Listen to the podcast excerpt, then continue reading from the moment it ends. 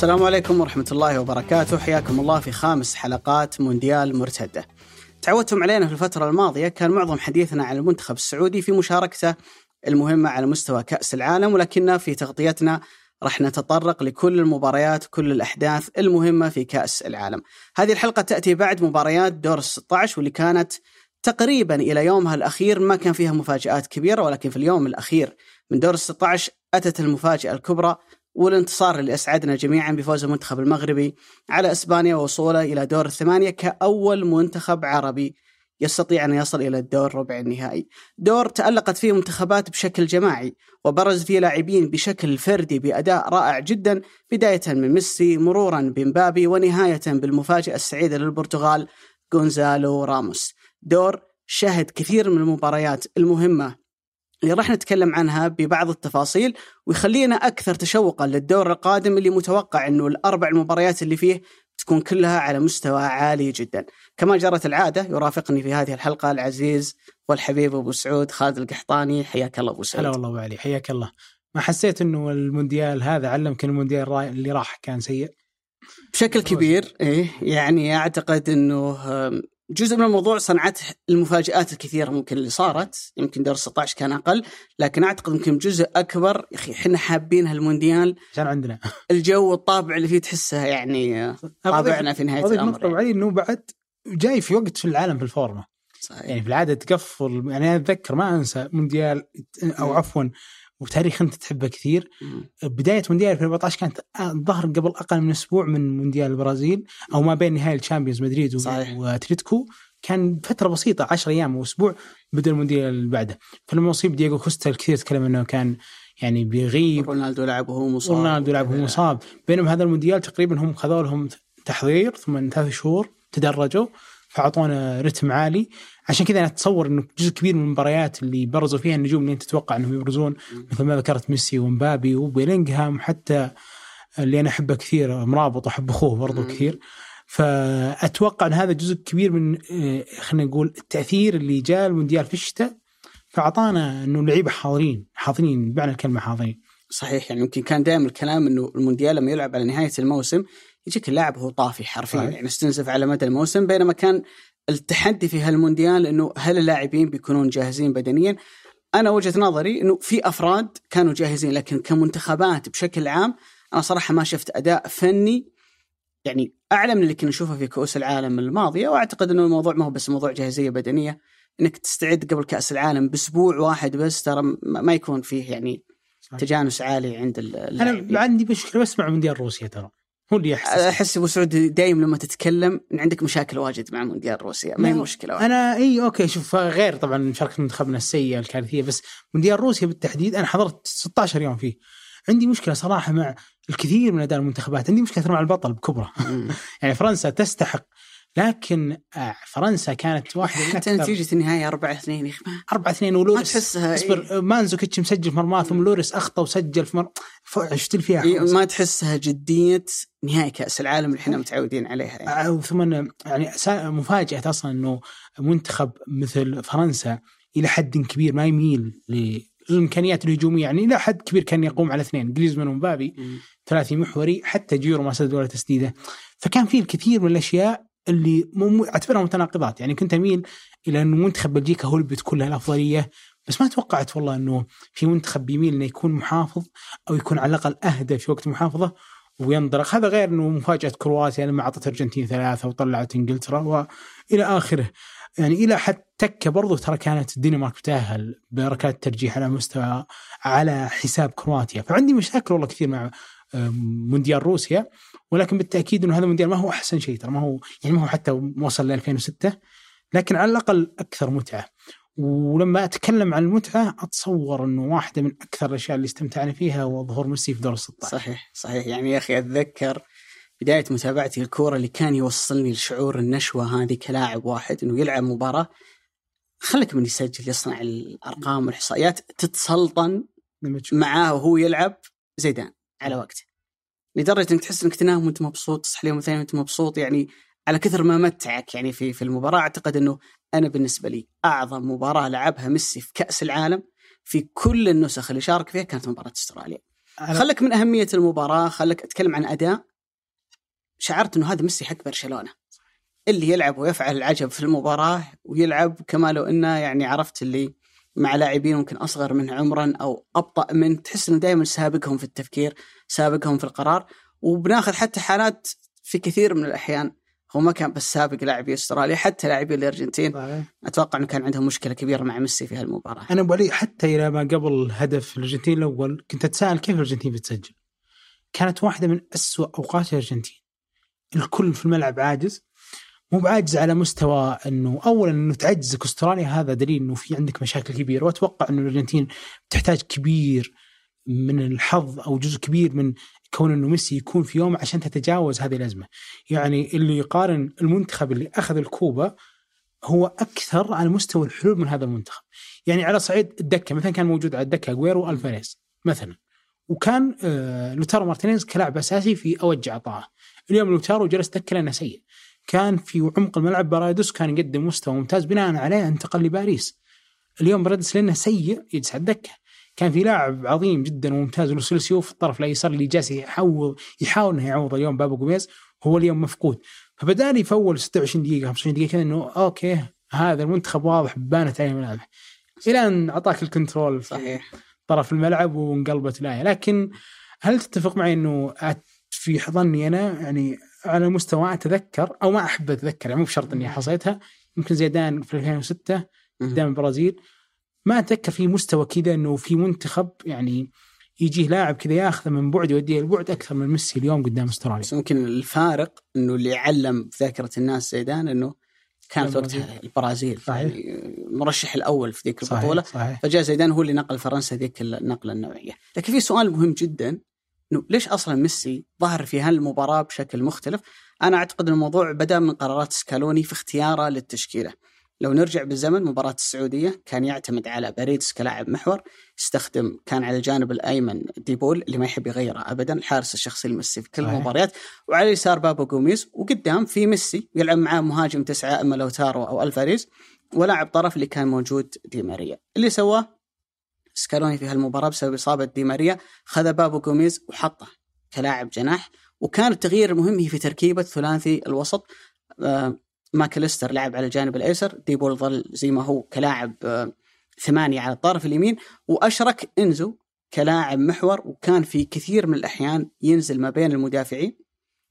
يتم بناء اللعب عن طريق الثلاثة اللي هم السنترين أوتاميندي مع آه، روميرو. ويكون هو معهم ويسمح لديبول وماكاليستر انهم يطلعون إلى مناطق متقدمة جدا. شفت التركيبة هذه كلها؟ من أجل هدف واحد إن ميسي يكون عنده حرية إنه يرجع ويستلم بشكل كبير جدا في وسط الملعب لو بتشوف الخريطة اللي ميسي الأماكن اللي لمس فيها الكرة تلقاها منتشرة في كل الملعب اليمين زي اليسار ما في ذاك الفرق الكبير تلاقي كثير من الكرات اللي كان ياخذها أو يمررها. ورا خط المنتصف بتلاقي كثير في دائرة الوسط كما لو أنه لاعب محور. فكان عنده حرية كبيرة جدا أن يتحرك في الملعب زي ما يبغى. وهنا ظهر ميسي كلاعب قادر على أنه يتحكم برتم المباراة ويصنع أهم اللحظات الخطرة فيها. تشبه كثير أبو علي وقت والدك آه، أماكن تمركزه في موسم فالفيردي 2019 صحيح صحيح. لما كان يلعب خلف سواريز ويتحرك في المساحة اللي موجودة وراه. أنا ما أقدر أتجاوز إحصائية مهمة جدا. شيء يسمونه في الإحصائيات اليوم progressive passes تمريرات تقدمية الإيجابية سميها ما شئت هالمصطلح يقيسون من خلاله التمريرات اللي طولها يتجاوز 10 متر وتكون للأمام وتصنع موقف المفروض إنه يكون موقف هجومي.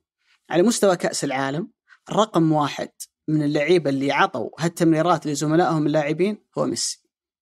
34 تمريره يجي وراه بيدري ولوكا مودريتش وأكثر من لاعب آه، وسط آخر. عادة هالإحصائيات ترى يبرز فيها لاعبي الوسط اللي متأخرين شوي أكثر من اللعيبة اللي يلعبون قدام سواء لاعب تسعة أو لاعب جناح. لكن بنلاحظ إنه هالتمريرات اللي كان ميسي مغرق فيها زملاء تكلم عن 34 تمريرة في أربع مباريات رقم مرتفع لكن المعاناة ظلت دائما عند ميسي إنه تشعر إن زملائه في المنتخب الأرجنتيني ما هم فاهمين الرجال وبناخذ عدة حالات على ذلك. هذه واحدة كانت في بداية المباراة. ميسي مثل ما ذكرنا ديبول وماكاليستر بيحاولون يطلعون لعيبة أستراليا إلى مناطق متأخرة ويسمحون لميسي إنه يرجع للخلف. لما يرجع ميسي وياخذ الكرة في مكان زي هذا ويدور أبو سعود بالطريقة اللي زي هذه ويواجه يرفع رأسه ويشوف الجهة الأخرى. وش المشهد هنا اللي يجي في بالك؟ نفس اللي يجي في بالي يجي في بالك كل احد جوردي ألبا على الجانب الأيسر. بيلعبها له ميسي طويلة ظهر آه، مدافعي الفريق الثاني اللي سواها ميسي ممكن مليون مرة وكانت تنجح. يا أخي ما هي عظمة ميسي والعظمة لله سبحانه إنه في معظم قراراته والاشياء اللي هو متميز فيها أنا وياك عارفينها. شفناها مليون مرة بس يقدر في كل مرة إنه يسويها صح. وتعجز إنك توقفها. فبالضبط أنت لاحظ هذه في اللقطة اللي ميسي دار وواجه الملعب ورفع راسه وصار جاهز إنه يلعب لك التمريره الطويلة. شوف موقف ألفاريز. شوف موقف ماكاليستر الاثنين اللي موجودين ما بين رباعي دفاع المنتخب الأسترالي كلهم معطين المرمى ظهرهم. ما في ولا واحد في حالة مستعد إنه ياخذ الكوره في المساحة. وشوف بقية اللاعبين كلهم في حالة ثبات. ما في ولا لاعب في حالة جري في حالة حركة إنه أنا فاهم إنه ميسي بيعطيني الكوره هذه في المساحة مع إن أستراليا مطلع البلوك الدفاعي تقريبا ممكن 30 أو 40 متر عن خط مرماهم. يعني مساحات. عندك فرصة سانحة جدا وأنت تلعب هالنوع من التمريرات ومع ذلك ما في أي لاعب يتحرك. موقف ثاني ميسي يرجع للخلف يس يعني يحاول إنه يدور بالكورة. شوف كم لاعب أسترالي معاه يحاول إنه يقطع الكورة منه بمهارته المعتادة بيراوغ يموه عليهم يمين يسار. في اللحظة اللي ميسي دار ورفع راسه ولا لاعب قاعد يطلب الكورة في المساحة. كل لاعب يبغى الكورة في رجله. تحديدا المهاجمين سواء الفاريز أو أي لاعب ثاني مع بابو جوميز أو ماكاليستر لما يطلع قدام الاثنين مواجهين المرمى بظهورهم لاعب الظهير متأخر جدا ولا واحد قاعد يوفر الميسي حل إنه يلعب لها التمريرة الطويلة. وبالمناسبة حتى الدكه ترى ما فيها حد حنتكلم عن النقطة دي لأنه بالمناسبة سعود منه أعلى لاعب في كأس العالم إلى الآن مررت إليها النوعية من التمريرات. يعني هو الهدف لما أي لاعب يلاقي فرصة إنه يذب الطويلة هذه هو المستهدف هو مبابي. لأنه لما تعطيه كرة في المساحة هو بيعاقبك عليها بشكل كبير. الحالة هذه مثل ما ذكرنا ما لقى حل ميسي فاضطر إنه يمررها كرة عادية كذا على جانب الملعب وقتلت فرصة إنه أنت ممكن تصنع آه، كرة خطرة للمنتخب الأرجنتيني. ذات الأمر إنه إنزو متراجع في الخلف يمرر الكرة لميسي ميسي بيدور مرة ثانية.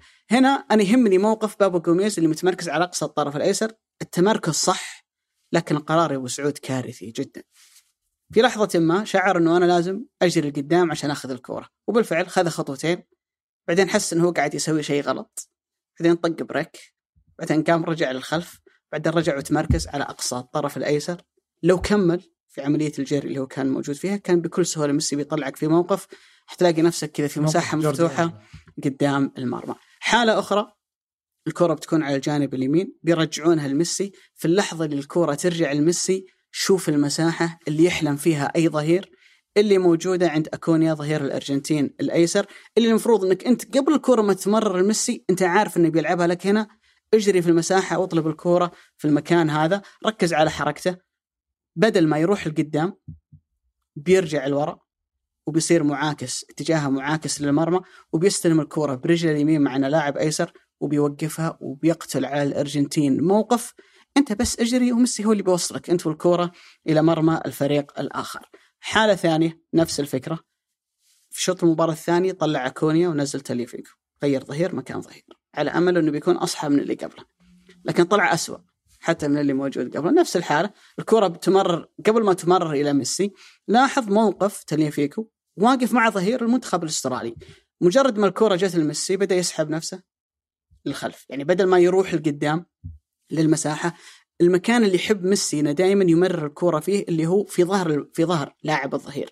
لأنه لما يعطيك الكورة في ظهر لاعب الظهير بمجرد ما تستلمها الظهير هذا خلاص صار برا الموضوع برا الموضوع تماما.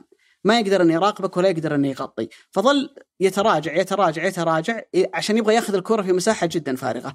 لما أعطاك إياها ميسي في المساحة اللي أنت أصريت إنك تستلم الكورة فيها بكل بساطة. ظهير الفريق المنافس اللي كانت عندك فرصة إنك تضربه بتمريرة في ظهره هو اللي ضغط عليك وأجبرك بعد ذلك إنك ترجع مرة ثانية إلى عمق الملعب وتقتل على نفسك وعلى المنتخب الأرجنتيني.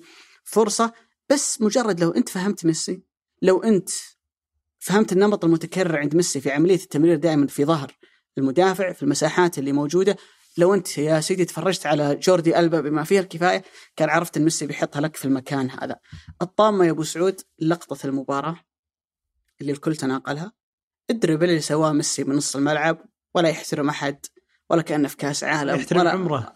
ابدا. عمره نفسه نفسه ما يحترم. الكوره خذاها في وسط الملعب. عينك على اللقطة اللي ميسي أستلم فيها الكوره كم عندنا مدافع لأستراليا وكم عندنا لاعب أرجنتيني في حالة في موقف هجومي يعني في في تفوق واضح في تفوق واضح للاعبي المنتخب الأرجنتيني. انضغط على ميسي دار الآن كم في لاعب أرجنتيني موجود في حالة هجومية؟ أربع لاعبين مع ميسي. طبعا اثنين على الأطراف ممكن ما يكون لهم لازمة كبيرة. وفي ألفاريز ولاعب آخر أعتقد إنه بابا جوميز اللي موجود معه. ميسي الآن بيحاول انه يخترق ما بين ثلاثة لاعبين. ويا للغرابة يقدر ميسي إنه يعديهم لقى نفسه في موقف هجومي. في اللحظة اللي تجاوزهم الآن ما عاد قدامه إلا في لاعب يضغط عليه بشكل مباشر وثلاثة مدافعين من أستراليا. ولا لاعب أرجنتيني قاعد يجري في المساحة. ولا لاعب أرجنتيني المفروض إنه يوقف ما بين مدافع ومدافع على نفس خط التسلل ويحاول إنه يقتنص إنه يسبقهم في اللحظة اللي ميسي يمرر فيها. الكل متأخر صاروا مع ميسي على نفس الخط بيتجاوزهم ميسي وبيدخل منطقة الجزاء وهم لسه متأخرين عنه. يعني لما يكون ميسي عمره 35 سنة وهو بارع جدا في التمرير ومثل ما قلنا أكثر لاعب في كأس العالم يعطيك تمريرات إيجابية. يا أخي بس اجري يا أخي بس راح اجري في المساحة. وهو بيوصل لك الكرة الغريب والعجيب إنه في في في عديد من الحالات اللي كانت في المباراة ولذلك اضطر ميسي إنه يكمل بالكرة اللي داخل منطقة الجزاء وينضغط عليه وبعد ذلك تنقطع.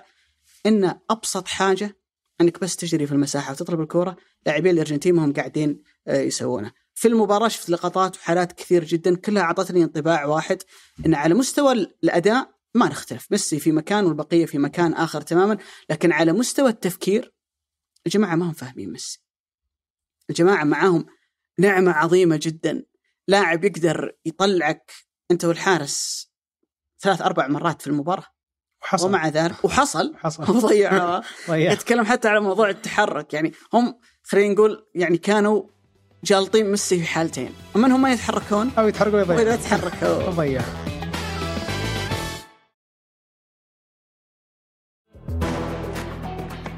أنا صراحة الومي أبو علي أنا أتذكر إنه كنا نتكلم في بداية التصفيات آه، إنه okay أنت كنت مستغرب إنه ليش الناس ترشح الارجنتين هذا مو منتخب متكامل. أتوقع أنا جزء كبير من هذا بخلاف إنه جودة لعبة الارجنتين اليوم أدنى إلا إنه برضو فيه صراحة مثل هذا النوع من التحركات اللي يعتبر بديهي شغل مدرب. يعني حتى اللاعب لما يبدأ ولك لاعب شاب ولا عنده خبرة. وفي المساحة الفارغة في وضعية قدم ميسي أو وضعية جسمه التشريحية إنه بيقدر يعطي الطولية. إذا كان المدرب في هذه اللحظات ما يقدر يصرخ يتكلم تدريباته يعودهم على الجري فهو عنده مشكلة هو نفسه. okay اللاعب هذا يمكن يكون قليل الخبرة كسول يعني ما أتوقع إنها بكسل إلا إنها كونها بجهل أكثر شيء. إمكانياته ما تساعد. أو عمره ما يساعد إنه اليوم جالس يحاول يغطي مركز ناقص مثل بابو جوميز 33 سنة جالس يلعبه مكان لوسيلسو ولكن هنا هذا صراحة شغل مدرب. عشان كذا أنا أعتب كثير صراحة على سكالوني ودائما يعني أحط في بالي إنه في في داخلنا نحس دائما إنه الأرجنتين إلى حد ما بتكون مرشحة. ولكن ما في أي سبب أو أي ذريعة أو أي شيء ترتكز عليه في هذا الرأي إلا أن كونهم يملكون ميسي. فكم مرة بيكون ميسي بهذا الحال؟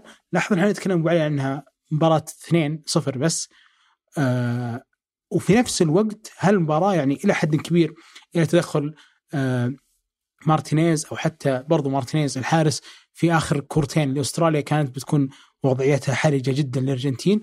ولكن إذا كانت هذه أستراليا واحتجت أعلى أداء الميسي علشان يخليك تطلع بفارق الهدف وفارق الهدفين في هذه اللحظات فكيف بتكون انت في الادوار الاقصائيه قدام المدربين اللي بيحضرون لك كويس بيحضرون الإمكانيات كويس بيحاولون يبدونك دائما انهم يتركونك في مناطقك كونك أقل فريق يمكن يملك عدد لعيبة كبير في السرعات. بدليل إنك اليوم تشوف بابو جوميز يوظف في الطرف، ألفاريز يوظف في الطرف، كل هذا آه، لمحاولة تدارك إنه من يستطيع في لعيبة الأرجنتين أن يكون لاعب سرعات، ما في إلا لاعب واحد صراحة دي ماريا، انت شايف اليوم دي ماريا مصاب؟ كبير كمان. كبير في السن. كبير كمان. انت أنت لو تشوف آه، في عجز. لو تشوف إحصائية أكثر اللاعبين تمريرا لهالنوع من التمريرات. وتربطها بإحصائية من اللاعبين اللي يستقبلون هالنوع من التمريرات بتلاقي إنه في زي الديو في كل منتخب. في واحد يمرر عالي في واحد يستقبل عالي. مثلا في. فرنسا في ال top five على مستوى كأس العالم بتلاقي تشواميني وبتلاقي معاه مبابي كأكثر مستقبل. بتلاقي في ألمانيا كيميتش مع موسيالا. بتلاقي مثلا في أسبانيا بيدري مع دانيال أولمو. في الأرجنتين ميسي هو الأعلى بس ما في ولا لاعب في قائمة ال top 10 في الاستلام. صحيح. أصلا اليوم في تركيبة كل المنتخبات المنافسة والناجحة في لاعب طرف سريع. تتكلم عن فودن تتكلم عن ساكا في إنجلترا على الأقل تتكلم- في كل تشكيلة أساسية. تتكلم عن مبابي مثلا في فرنسا تتكلم عن جواو فيليكس في البرتغال. الأرجنتين ما فيها ولا لاعب ينقال عنه إنه سريع بدون كورة يعرف يجري في المساحات. وهذه مشكلة مشكلة في, في تركيبة المنتخب أساسا. أنت حتى لما حكيت عن دي ماريا أخي دي ماريا 34 أو 35 سنة وصعب. يعني. و- واصلا أيام الذهبية والجميلة ولت. يعني هو اليوم جاي ما هو قاعد يعطيك أفضل نسخة من دي ماريا. صحيح. فبالتالي الحديث عن إن الأرجنتين منتخب متكامل أنا أعتقد إنه ظالم. هو مو لأنه- متكامل. لأنه في في نواقص كثيرة يعني. اللاعب حتى الآن اللي يطلع لك الكورة من الخلف اللي ما يضطر ميسي إنه يرجع المناطق المتأخرة ترى لاعب شاب صغير تو طالع ذا السنة يعني. ما, ما تتكلم عن اسم ثقيل في وسط الملعب. له تجربة وله خبرة مثل بوسكيتس في إسبانيا ديكلان رايس في إنجلترا وغيرهم من اللاعبين. فبالتالي ما حيقدر ميسي في كل مرة إن إنه هو اللي يقدر يعوض لك كل جوانب النقص اللي موجودة عندك في الفريق. ولذلك العالم كله يترقب. وأنا والله أتمنى إن نشوف برازيل وأرجنتين. في دور الأربعة حتكون واحدة من أعظم المباريات اللي بتتذكرها في حياتك في تاريخ كأس العالم. لكن أنا أخشى عليهم من هولندا بأمانة. ما حتضمن إنه ميسي في كل مباراة بيسوي لك الحلول هذه. إذا كانت أستراليا سمحت إذا كان الوضع سمح في نهاية الأمر هو رجل عمره 35 سنة ما يقدر انه يعطيك كل ثلاثة وأربع أيام مباراة بذات الأداء اللي ينقال عنه إنه خارق ما يقدر في كل مرة. وفي كل مرة سيلام هو بالضبط. ما عاد بيشر إلا عليه. وعلى سيرة الأداء الخارق أبو سعود أعتقد أن كلنا مذهولين من اللي سووه المغرب. امم آه، الموضوع مو بس أنه أول مرة في منتخب عربي يكون في دور الثمانية. فكرة أنك تصمد ل 120 دقيقة ضد الإسبان اللي عندهم مليون حل في تفكيك دفاعاتك خلك من العناصر خلك من الأسماء أكثر ناس في العالم متعودين انهم يلعبون بالكورة وأكثر ناس متعودين أن منافسهم يترك لهم مساحات ويتمركز في مناطقه ومع ذلك يقدرون يفوزون إنهم يلاقون الحلول. شلون صمدت المغرب 120 دقيقة ضد إسبانيا ثم وصلوها ركلات الترجيح وخسروا ضد المنتخب؟ اللي قال عنه إنريكي مدري كم يقول بلنتي متمرنين عليه قبل البطولة. آه طبعا ال- ال- الإعجاز اللي صاير لمنتخب المغرب اليوم ابو علي إنه كل منتخب اليوم كسبوهم هم يلعبون بأسلوبهم. يعني إسبانيا اليوم تمكنت منها تلعب بأسلوبها. ومع ذلك خسرت. كرواتيا وبلجيكا كلهم لعبوا بالأسلوب اللي هم يفضلون بالشكل اللي هم يفضلون ومع ذلك خسرت.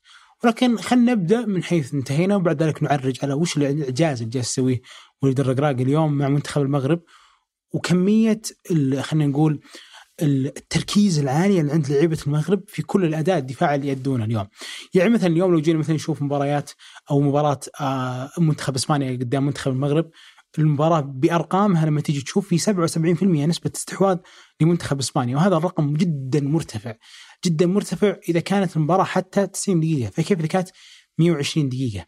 وإذا جيت أبو علي كذا دقق فيه على مستوى الرقم تلقى لعيبة إسبانيا أعتقد ممرين أكثر من 1077 باص. صحيح. يعني ما وصلوا في حتى لحظة في الشوط الإضافي طلعت إحصائية أنه إسبانيا 800 تمريرة والمغرب يا دوبك 200 مجمل المباراة؟ يعني معناته الكورة معاك أربع أضعاف ما هي موجودة معي. صحيح. 1041 تمريرة لعيبة المغرب. ولا عفوا لعيبة إسبانيا. ولعيبة إسبانيا اللي جالسين نتكلم عنهم إنهم يمررون هم من أكثر المنتخبات في العالم اليوم اللي تملك كواليتي عالي جدا على مستوى التمرير. وتعال خلينا ناخذها ابو علي على مستوى التشكيل اللي دخلت به إسبانيا اليوم، لو جينا نشوف لعيبة السناتر اللي بنتكلم عنهم في نهاية اليوم أو عفوا في نهاية هذا الفقرة التحليلية اللي عندنا اليوم، نتكلم عن رودري محور المان سيتي اللي واحد من أكثر المدربين المتطلبين للمحور يكون يمرر بشكل سليم هو بيبي جوارديولا وإمريك لابورت السنتر الأيسر اللي ممكن جنسته إسبانيا لكونه سنتر أيسر ممرر كويس. تكاد تكون هذه أكبر أسباب. لأن عندهم أزمة سناتر. وعندهم أزمة سناتر عموما فكيف إذا طاح واحد يعني كذا متأسس في اتلتيك بلباو وانتقل للمان سيتي واستقر خمس سنوات. فجنس على طول لهذه الذريعة. جوردي ألبا ظهير برشلونة في العقد الأخير. ماركوس يورينتي ممكن ما يكون يلعب في هذا المكان أصلا ولكن ولاعب في عمق ملعب فكويس في التمرير. متأسس في الفالديبيباس في ريال مدريد وانتقل لاتلتيكو لعب كثير في الظهير صح مع أتلتيكو أو على مستوى الطرف كامل ولكنه ما هو لاعب في هذا المكان. لكن الجزء اللي يهمنا أبو عين إحنا نشير له لاعب ممرر كويس ما يخطي. ثلاثي برشلونة بوسكيتس بيدري جافي من أكثر خلينا نقول لعيبة الوسط على مستوى كل المنتخبات اللي عندهم قدرة في التمرير. عندك اليوم مشكلة في أدائهم صحيح عندنا مشكلة في ادائهم في مباراة المغرب بالتحديد صحيح ولكن ما نقدر ند يعني نتغافل ابدا. كونهم لاعيبه وسط ممررين من الرقم الأول يعني على مستوى العالم كله أو حتى على مستوى الهجوم. صحيح إنه ما هم أفضل الناس فيران توريس ولا حتى أسينسيو اللي هو أصلا لاعب عشرة أو خلينا نقول لاعب وسط أكثر من كونه لاعب رأس حربة في ريال مدريد برضو قيمته إنه يمرر. وأخيرا وليس اخرا داني أولمو اللي يلعب للسنة الثالثة على التوالي في لايبزيج لاعب أساسي في فريق فلسفته وتأسيسه ومنهجيته كلها. ترتقي ان إحنا فريق هجومي يمسك كورة. طالع من لمسيه ترى. طالع من الماسيه في برشلونة. هذا كله لما ينتج هذه الأرقام تفهم قديش كان صعب إنك كمنتخب المغرب تدافع قدام فريق يمسك الكرة على طول ويحركك بشكل مستمر. و120 دقيقة. و120 دقيقة. وأشير لنقطة أبو علي أنه هذه التشكيلة اللي هي تشكيلة منتخب المغرب هي صحيح أنها ما استقبلت ولا هدف قدام آه، إسبانيا ولكنها ترى في نفس الوقت استقبلت تسديدة واحدة قدام إسبانيا. مم. تسديدة واحدة بس من أصل استحواذ 77% لو تجي تعرجها على كل البطولة يعني لعبوا مثلا على مستوى دور مجموعات ثلاث مباريات كل مباراة 90 دقيقة أضف عليهم 120 دقيقة. كم تتوقع أنه في أحد سدد على مرمى المغرب؟ يعني يمكن من ثلاث إلى خمس تسديدات في المباراة يعني قل من 10 إلى 15 هذا المعدل الطبيعي لفريق أصلا هو ممتاز م. في الدفاع. المغرب ما تعرضت لأي تسديدة في مرماها إلا ست تسديدات طوال البطولة. مم. بما فيها تسديدة إسبانيا اللي في مباراة فيها 120 دقيقة. وهذا صراحة أمر ملفت. لأنك لو جيت تلتفت علي على تشكيلة المغرب هذه وخلنا نعدهم بالأسماء. السناتر نايف وساي ورومان سايس ومحاور الثمانيات مع نور الدين مرابط سواء آه، أناحي ولا حتى سليم. هالخماسي بالتحديد تفهم كونهم يقدرون يلعبون بدون كورة. إنهم مهمتهم أغلبها ما ودي أقول أغلبها يعني جزء منهم كبير تالق صراحة بالكره ولكن الجزء الأكبر لهم كان امتيازهم دائما في كونهم منظمين دفاعيا. بينما الخمسه عداهم أكبر إمكانياتهم وميزاتهم بدون كورة. تاخذهم اسم اسم أول واحد مزراوي اللي هو أصلا ظهير يمين في البايرن.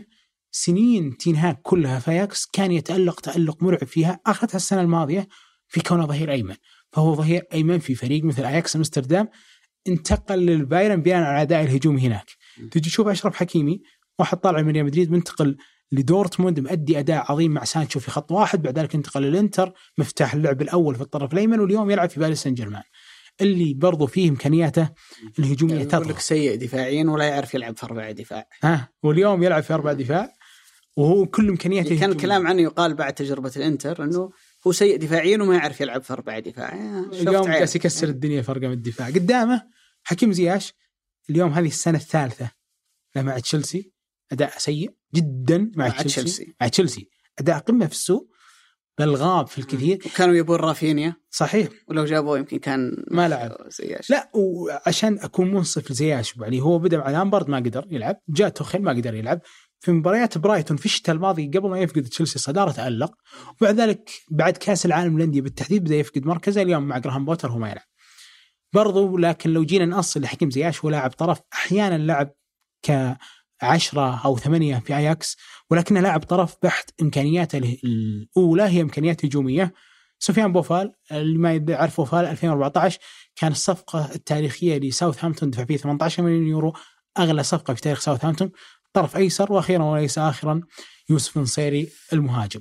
كل هذه الأسماء تعودت ولعبت واحترفت ونجحت في إمكانيات وأندية أسلوبها هجومي. ولكن العظمة اللي جالس يصنعها اليوم وليد الرقراقي إنه جالس يطوعهم بماذا لو كانوا برضو كويسين بدون كورة. وأنا هنا ودي نرجع يعني بالزمن شوي ونرجع لأدوار المجموعات ونشوف كيف كان يتعامل مع منتخب آه، مثل منتخب بلجيكا ولا حتى منتخب كرواتيا ولا حتى منتخب كندا. ألا وهو المدرب وليد الرقراقي اللي ما طلع من آه، المغرب ابدا. طلع بس أعتقد للدحيل 12 مباراة أو شيء زي كذا ورجع. مرة ثانية للوداد ودرب الفتح الرباطي قبلهم بس هذه مسيرته. وجالس يصنع كل هذا المنجز بلعيبة محترفين خارجيا ولكن خلينا نشوف الحالات الفنية اللي نقصدها اليوم. هذه من مباراة كرواتيا. لو تلاحظ ابو علي البلوك دائما في وسط الملعب اللي يقود عملية الضغط على محور الملعب هو يوسف نصيري المهاجم. عملية تدرج الكره دائما تكون بشكل طبيعي لكن تشوف دائما إنه أفضل وأكثر اللعيبة مميزين في استلام الكره في وسط ملعب كرواتيا مودريتش وكوفاسيتش هم اللعيبة اللي دائما يلعبون معهم man to man بحيث إنه ما يستلم ويدور وهو في أفضل حالة، فهنا مثلا في هذه الحالة تلقى مع كوفاسيتش مرابط اللي يعتبره واحد من أفضل لعيبة البطولة بشكل كبير يعني ولا هو ميولا لكونه عربي لا هو فعلا من أحد أفضل لعيبة البطولة. ولما تتدرج الكورة تلقى كل اللعيبة اللي يلعبون في ال mid block في عمق الملعب هذا كلهم يتدرجون كون إنه ما نبي هاللعيبة الكويسين كوفاسيتش ومودريتش يخلقون حل في وسط الملعب. دائما اللي يستلم الكورة هنا ما هو بس لجافي ولا بيدري لا حتى لمودريتش اللي هو يعتبر واحد من أفضل لعيبة العالم 2018 حامل البالون دور ما نبي يستلم مرتاح. فتشوف عملية الضغط اليوم تكون في الحالة السليمة ودائما ما يلقون مساحات التمرير منتخب كرواتيا ما لحل آخر إنه بعد ال double pass يرجع الكره لسنتر الملعب ثم يلعبها طولية لكوفاسيتش اللي يكون ساقط في ال half space هذا. وفي هذه اللحظات برضو تبان لك قيمة مرابط لأن سفيان مرابط في مباراة إسبانيا كان غالبا غالبا يسقط بين السناتر.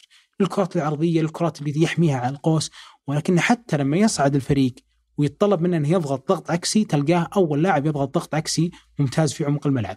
وهنا بتوضح معنا حالة ثالثة تبين قيمته في هذا وتبين قيمة ذكاء لعيبة المغرب تكتيكيا في الحالات الدفاعية اللي هم لعيبة ممتازين بدون كرة ولكن شوف إيش يسوون بالكره. هنا صراحة زلاتكو أنا يعني أوكي صح إنه ممكن يكون حل بديهي ولكني أنا أحب لما المدرب يتواضع للإمكانيات اللي جالسة تواجهه. هنا زلاتكو تقريبا تقدر تقول صعد الظهير الأيمن ونزل مودريتش في مكانه علشان يخلق حل وفعلا مودريتش بباص واحد ضرب الخط الأول لمنتخب المغرب ولكن لو تلاحظ في اللحظة اللي أوناحي ضغط فيها أو سليم ضغط فيها اللي قص على وراء يحاول يغطي عمق الملعب هو يوسف أنصيري. ممكن ما يكون مرضي علينا في اشبيليا في منتخب المغرب ولكنه في نفس التوقيت ذكي لكونه هو اللي يلحق اللاعب اللي كسر خط الضغط الأول. ما هو المحور اللي يدارك ذلك؟ طبعا ما يحتاج أقول لك إنه في نهاية هذه الكرة اللي وقفها وقطعها هو مرابط. وأنا هنا أحيي فيه كونه في الوقت اللي يصعد فيه منتخب المغرب أو في اللي يلعبون فيه في خطوط نازلة غالبا هو اللي تكون له الأفضلية. هذا على مستوى عمق الملعب. طيب في أطراف الملعب هل من المعقول أنهم ما راح يواجهون مشكلة؟ لا هم واجهوا عند واحد من أكثر اللعيبة اللي ممكن جوارديولا يفرغ له أطراف الملعب عشان يستلم الكرة في ال half space الأيمن هذا عشان يعطيك الكرة العرضية الا وهو كيفن دي بروين.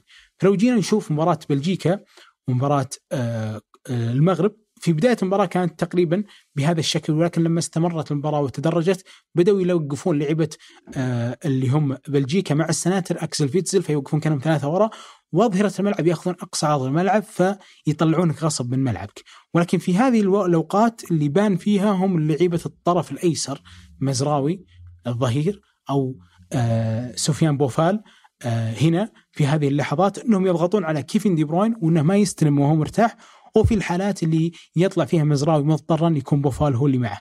فلو تلاحظ هنا اللي جالس يراقبه ويلعب في ظهره تقريبا هو مزراوي في الحالات اللي يضطر فيها مزراوي إنه يطلع في أقصى عرض الملعب علشان الظهير ما يستلم وهو مرتاح تلقى بوفال هو اللي يتراجع تدريجيا ويوقف مع دي كيفن دي بروين. بوفال لما يعني نسميه يمكن البعض ما يعرفه لكن مكانته في الملعب بالطرف الأيسر يعني لو جيت بتكلم أو حتى عن الطرف بمثابه بمثابة يعني رياض محرز محمد صلاح هو لاعب بمثابه زياش لاعب طرف خالص تماما. فكون أنه وليد الرقراقي جاء اليوم وقدر أنه يوظفه في هذا المكان مو في هذا المكان بهذه الأدوار بهذا الذكاء هو وانصيري بدرجة أقل للأمانة زياش. يعني زياش في مباراة إسبانيا كان يعاني حكيم زياش في أكثر من مرة، عفوا أشرف حكيم في أكثر من مرة لأنه زياش كان يتأخر في بعض الأحيان ولكنه على الأقل صمد مباراة كاملة. صعوبة المباراة بالنسبة لي اللي أنا أراها غير مباراه طبعا بلجيكا اللي استمروا فيها لعبة المغرب يمنعون كيفن دي بروين يستلم في هذا المكان، يعني جيت تشوف هنا بوفال ويلحق مرابط كل هاللعيبة يتمركزون في المكان اللي ما يخلون كيفن دي بروين ياخذ آه، راحته فيها، لكن لو رجعنا نتذكر فرحتنا قدام إسبانيا اللي يجعل الموضوع صعب جدا على لعيبة المغرب إنه بخلاف إنه في خلينا نقول تسع لعيبة ممتازين فوقهم سنترين هم الأفضل على مستوى آه، التمرير، لو جينا نشوف المونديال نفسه أبو علي من هم أكثر السناتر على مستوى هذا المونديال؟ قدرة على أنهم يخلقون من تمريراتهم الطولية مواقف هجومية للمنتخبات اللي يلعبون فيها. تلقى من أصل الأربعة موجودين اثنين في منتخب إسبانيا.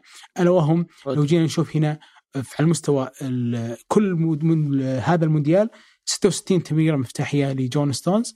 وبعدها أعتقد لناثان آكي الغريب اللي أنا لاحظه الحين كل أربع لعيبة لعبه مان سيتي على فكرة.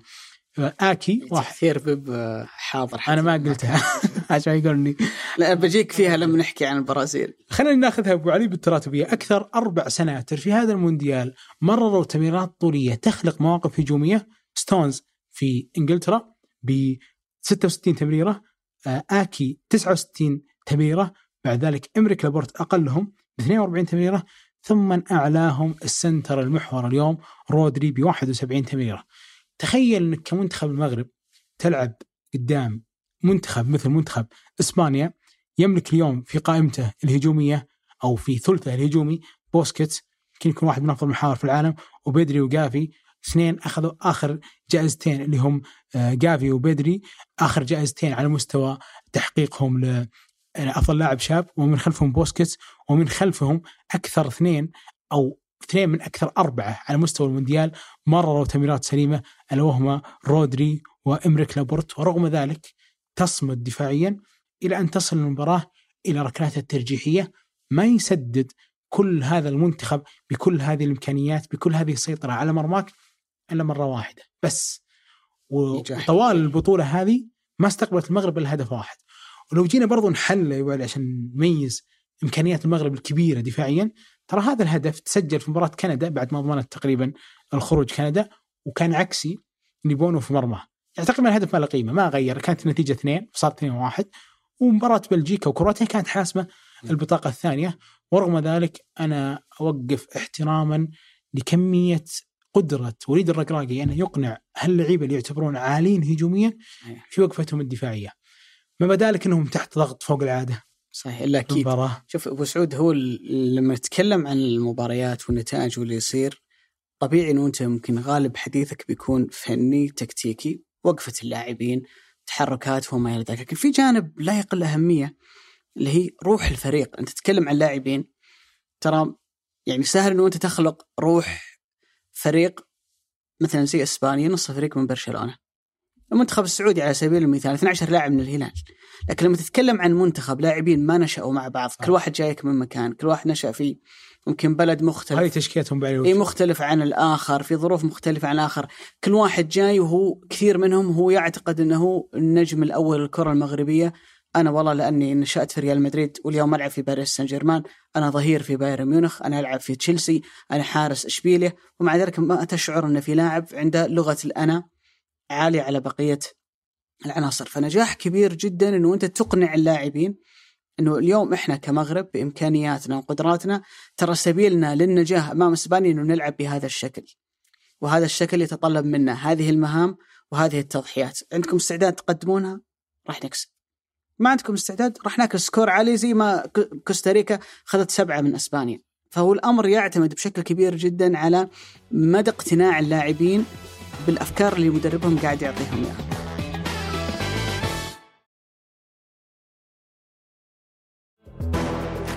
وليد الرقراقي وعلى وقت واردك في بعد المباراة مباشرة في تصريحة قال إني قلت للعيبة قبل المباراة احلموا إذا ما كنتم تحلمون ما راح تحققون شيء. وفعلا هو اليوم بدالك إنه هذه التشكيلة المكونة من لعيبة تشيلسي وشبيليا وباريس وستهام إلا أنهم فعلا بالرغم من وصولهم واحترافهم كانوا يحتاجون أنهم يرفعون السقف شوي صحيح. وينجزون إنجاز يتجاوز حتى إنجاز الجزائر الماضي صحيح. أنهم يأخذون هذا المنتخب إلى دور الثمانية على حساب إسبانيا. العبارة اللي أنا قلتها مرتين وما عندي مشكلة أقولها للمرة الثالثة. الرغبة لوحدها لا تكفي. صحيح. إنه أنت تحفز اللاعبين إنك أنت تقنعهم إنه إحنا لازم نفعل كذا وكذا ويصير عند اللاعبين رغبة إنه أنا مستعد أعطيك كل شيء أقدر أقدمه في سبيل أني أقدر أصنع التاريخ في أني أتجاوز إسبانيا وأصل إلى دور الثمانية. هذه الرغبة لوحدها بدون إمكانيات ما تسوي شيء. لأنه في نقطتين مهمتين جدا عن المغرب. واحدة أنت ذكرتها اللي هي موضوع تحركات اللاعبين الوعي التكتيكي عندهم. ما في مدرب في العالم مدرب منتخب حيصنع وعي تكتيكي للاعب. لأن هذا الشيء أنت تكتسبه على مدى العام أو على مدى مسيرتك الرياضية. مهمة النادي. مهمة النادي. فلما تلعب في تشيلسي وتلعب في باريس سان جيرمان وشبيليه أنت بتاخذ الوعي هناك. فبتجيني وأنت في في في في مهام أنا بشرحها لك. بجيب لك ال board بقول لك وقف هنا وإذا نزل دي بروين نضغط. لكن في أحداث في الملعب في جزء من الثانية أنت تاخذ القرار. إذا أنت متعود تسوي الشيء الصح في ناديك لأنك تلعب في هذا المستوى تجي تسويه ضد إسبانيا. وإذا أنت متعود تسوي كثير من الأخطاء لأن دوريك مثلا رتمه أقل ولا تنافسيته أقل ما أنتظر منك إنه أنت تطلع لي زي مرابط مثلا في في فهمك ووعيك وتحركاتك زي ما سوى أمام إسبانيا. النقطة الثانية اللي هو الجانب البدني. هذه رابع مباراة لهم في المونديال. مجموعتهم كانت صعبة. باستثناء كندا المنافسين أعلى منك بوضوح كإمكانيات. تتكلم عن كرواتيا وعن بلجيكا. وتصمد 120 دقيقة ضد إسبانيا. ما تنهار بدنيا. هذه هذه نقطة مهمة جدا. وفي ظني إن الثنتين الوعي التكتيكي والجانب البدني هذا شغل ما يقدر يسوي لك مدرب المنتخب. صحيح. لأنه في نهاية الأمر المغرب حالهم حال البقيه استعدوا أسبوع واحد قبل كأس العالم. ما يقدر المدرب يرفعك بدنيا في أسبوع قبل كأس العالم. فبالتالي اللي أنت قاعد تشوفه اليوم شغل مدرب تحفيز مدرب قرارات مدرب لكن ترى في جزء كبير جدا إنك أنت خذيت نتاج عمل هاللاعبين مع أنديتهم. ولما يلعبون في مستوى عالي جدا مقارب لمستوى اللاعبين اللي موجودين اليوم في إسبانيا بتقدر انت تجاريهم، لكن لما تجي من دوري أقل رتم وأقل تنافسية من الصعب جدا إنك أنت تجاريهم مهما حاولت تحفز اللاعبين مهما أعطيتهم من مغريات. في طاري الجاهزية أبو علي تتوقع إلى أي مدى كان جاهز مرابط؟ والله أنا سمعت إنه ما كان جاهز للمباراه وإنه كان عنده مشاكل لكن ما. شاء الله تبارك الله يعني ال- ال- الجينات اللي عنده عند نور. الدين ما شاء الله. مرابط خوينا. حقنا يعني ما شاء الله لا قوة قوة إلا بالله يعني الاثنين يتشاركان في ال- في الصلعة وفي اللحية وفي اللك ونفس لكن مع اختلاف المراكز إلا أنهم اثنين يعني من من أشرس اللاعبين أنا أعتقد إنه ما ما حيطول في فيورنتينا بعد كأس آه. فعلا أتفق معك والله أزيد هذاك كانت عنده مشاكل أبو علي على مستوى تصريح يعني وعند أو اللي نشر إنه ما تمرن يومين بسبه مشاكل في الظهر. وتيجي تشوف المباراه هو حاط كل لعيبة إي ما شاء الله إسبانيا في ظهره. ما شاء الله يعني لا. قوة إلا بالله. تخيل إنه لعب 120 دقيقة قدام خط وسط أنا برجع عيد مرة ثانية. في جافي وبدري مم. وبوسكيتس وفيران توريس وسقط كثير في ال center وخلص كرات آه، طولية وعرضية. كم تتوقع نسبة نجاحه في الثنائيات؟ شوف لو جاب 60% كثر خير. 100% يا ساتر. نسبة ما شاء الله يعني الله. انت بس تشوف بس على مستوى الصور من هم. اللعيبة اللي يحتك معهم. ونجح في كل ثنائية. يعني شيء يدعو إنه فيها منجز غير طبيعي. فكيف لو كان مو بجاهز؟ أمانة أنا أحييه تحية كبيرة على كمية استمات- استماتته وأحيي برضو بونو على مستوى ركلات الترجيح إنه كان واحد من الحراس الحاضرين. يعني بونو أخطف باص في الشوط الأول. ممكن مم. يبان لك إنه كذا في. ابتسامة باردة. لكن الغريب إنه ابتسامته كانت باردة في كرات الترجيح وأنقذ فيها المنتخب. أنا ما ودي أسهب في تفصيل يعني تعلق لعبة المغرب فرديا. ولكن سفيان مرابط وبونو خلقوا فارق في بمعنى الكلمة في ركلات الترجيح لبونو وحضوره الذهني. يعني شفت لعبة إسبانيا كلهم مرتبكين قدام. كل لعبة إسبانيا كانوا مرتبكين قدام. يعني بوسكيتس ما ناظره. أعتقد سرابيا ما ناظره. كلهم كانوا يعني يتحاشون وهو كان أكثر واحد يثق. وهذا صراحة يعني في شخصيته هو ما هو في أي شيء. لأنه يلعب ضدهم أبو سعود. صحيح ممكن انه يلعب ضدهم. وهو انتقل مبكرا لاتلتيكو مدريد. أتلتيكو مدريد بيع أعتقد وأعير لجيرونا ورجع أعتقد المغرب ثم راح إشبيليا. فما هو غريب عليهم لكن إنهم هم يرتبكون قدامه هذا كان بدا لي صراحة شيء غريب. والشيء اللي يعتبره يقرب إلى الإعجاز هو انه مرابط يطلع 100% في الالتحامات ناجحة. هذا. يعني شيء ملفت ملفت جدا جدا جدا. ولكن ما أدري إذا خد... هل أشفت غليلك مباراة المغرب ولا جدا تونا؟ جدا جدا. وأعتقد إن هي يمكن كانت المفاجأة الأسعد. في دور ال 16 تنتظرهم مواجهة أصعب من هذه ضد ال- ال- البرتغال ولكن بعيدا عن الإقناع هم أيضا موجودين اليوم في دور الثمانية لكنهم أبعد ما يكونون عن اقناع المنتخب الهولندي. اللي لعب مباراة أثارت الكثير من ال- الجدل بين الهولنديين بعد تأهلهم أمام المنتخب صدق أبو علي إنك. ترشح أمريكا على هولندا أنا واحد والسبب أنا واحد يعني يلعبون كرة نظيفة ترى أول. شيء شجعته في حياتي قبل الهلال حتى والله. هولندا أيام بيركام. عجيب. أنا مو احب. هولندا أحب جمع. بس والله يعني 2014 يعني إلى حد كبير وصل مركز ثالث. بس ترى لو تجي تشوف الأسماء اللي صحيح. يعني كانت تعلق الحذاء ووصلت كذا شنايدر وان كان مستواه؟ ما هو في أفضل حالاته. ولكن على الأقل قبل مباراة كوستاريكا كان أفضل لاعب. وفان بيرسي وروبن. لكن ما زالت هولندا في يعني مع فاقة تحت الاحترام والتقدير. آه، بيرجوين وديباي كلاسن. كل هذه الأسماء. دالي بليند يلعب اليوم في الظهير. الأيسر. ما هي أفضل حتى يعني من مستوى ثالث ولا رابع على مستوى أوروبا، يعني ديباي اليوم ما له حضور اليوم على مستوى برشلونة، بيرجوين تركوه آه، توتنهام يرجع للدوري الهولندي، ديباي قلنا كيف ما كانت حتى ديونج بالرغم من امكانياته الكبيرة وهو أفضل لاعب في هولندا اليوم أنت شايف وين مكانه اليوم في برشلونة؟ فلما كذا بدت لي يعني منتخب أمريكا بدأ في الدور مجموعات يعطي أداء جدا ممتاز وكلهم شباب وكلهم ادائهم سريع وحركي.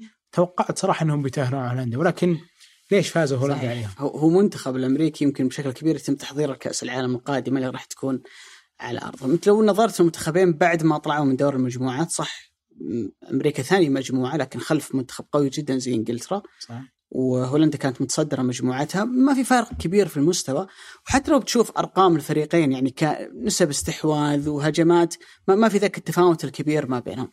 فكانت المباراة قبل لا تشوفها بيجي في بالك سؤال من الطرف اللي بيسيطر في المباراة بشكل أكبر. وأنا أتوقع لو سألنا السؤال هذا قبل المباراة الغالبية بيقول لك والله هولندا مدرسة كرة القدم الشاملة والاستحواذ وما إلى ذلك. ولكن فان خال نظر إلى نقطة محددة جدا في المنتخب الأمريكي اللي هي إنه هذا المنتخب هو صاحب أقل معدل أعمار من بين كل المنتخبات المشاركة في كأس العالم. ومعدل الأعمار إذا أنت بتاخذ ال squad كامل ترى ممكن يعطيك انطباع خادع لكن في ال11 اللي يلعبون بشكل أساسي أقل معدل أعمار كان 25 سنة للمنتخب الأمريكي في مشاركته في كأس العالم الحالية. شيل حارس المرمى ثلاثة من الدفاع السنترين والظهير الأيسر بقية عناصر المنتخب الأمريكي من ديست الظهير الأيمن مرورا ثلاثي الوسط وثلاثي المقدمة كلهم 24 سنة أو أقل. يعني كأنك قاعد تلاعب منتخب أولمبي. صحيح. فان خال نظر للنقطة هذه قال خليني أجرهم للفخ. وبعد ذلك أنا أعرف كيف أتعامل معهم. كان شكل المنتخب الهولندي في المباراة في أفكار واضحة عند فان خال بالنسبة لثلاثي الوسط. والديباي وجاكبو اللي هم ثنائي الهجوم والخمسة اللي في الخلف هم ينتظرون من أجل التأمين الدفاعي. الفكرة الأساسية اللي كانت عند فان خال إن ديباي وجاكبو المطلوب من كل لاعب اقطع لي خط التمرير اللي موجود ما بين ال center والظهير. يعني ال center لما ياخذ الكورة ضربة المرمى أو حالة البناء لا تعطيه مجال إنه يلعبها للظهير، خليني دائما أبقيهم في وسط الملعب. وبتلاحظ في كل الحالات اللي بتشوف فيها وقفة لاعبي هولندا في المباراة في الشوط الأول تحديدا كانت مهمتهم إنه خليه يطلع براحته بس لا يمرر للظهير. لما يطلع المنتخب الأمريكي بالكورة إلى وسط الملعب بتشوف إنه لا يزال ديباي وجاكبو كل واحد مهمته بوقف لك بين الظهير وال center وما يسوي أي شيء ثاني غيره.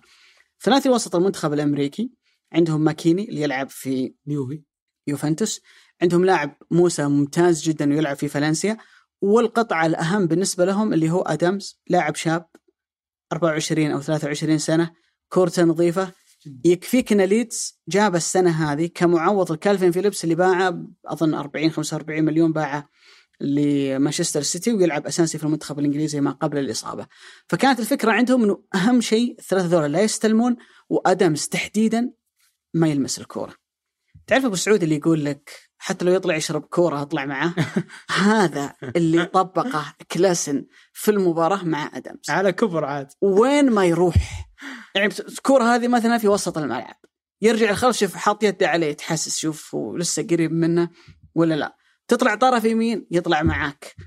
تروح تجري يجري معاك. شغلته في المباراة ادمز ما يستلم الكورة. لاحظ إحنا نتكلم عن لاعب مهاجم تقريبا يراقب لاعب وسط. يراقب لاعب وسط. لأن ادمز أدمز هو حلهم الأول.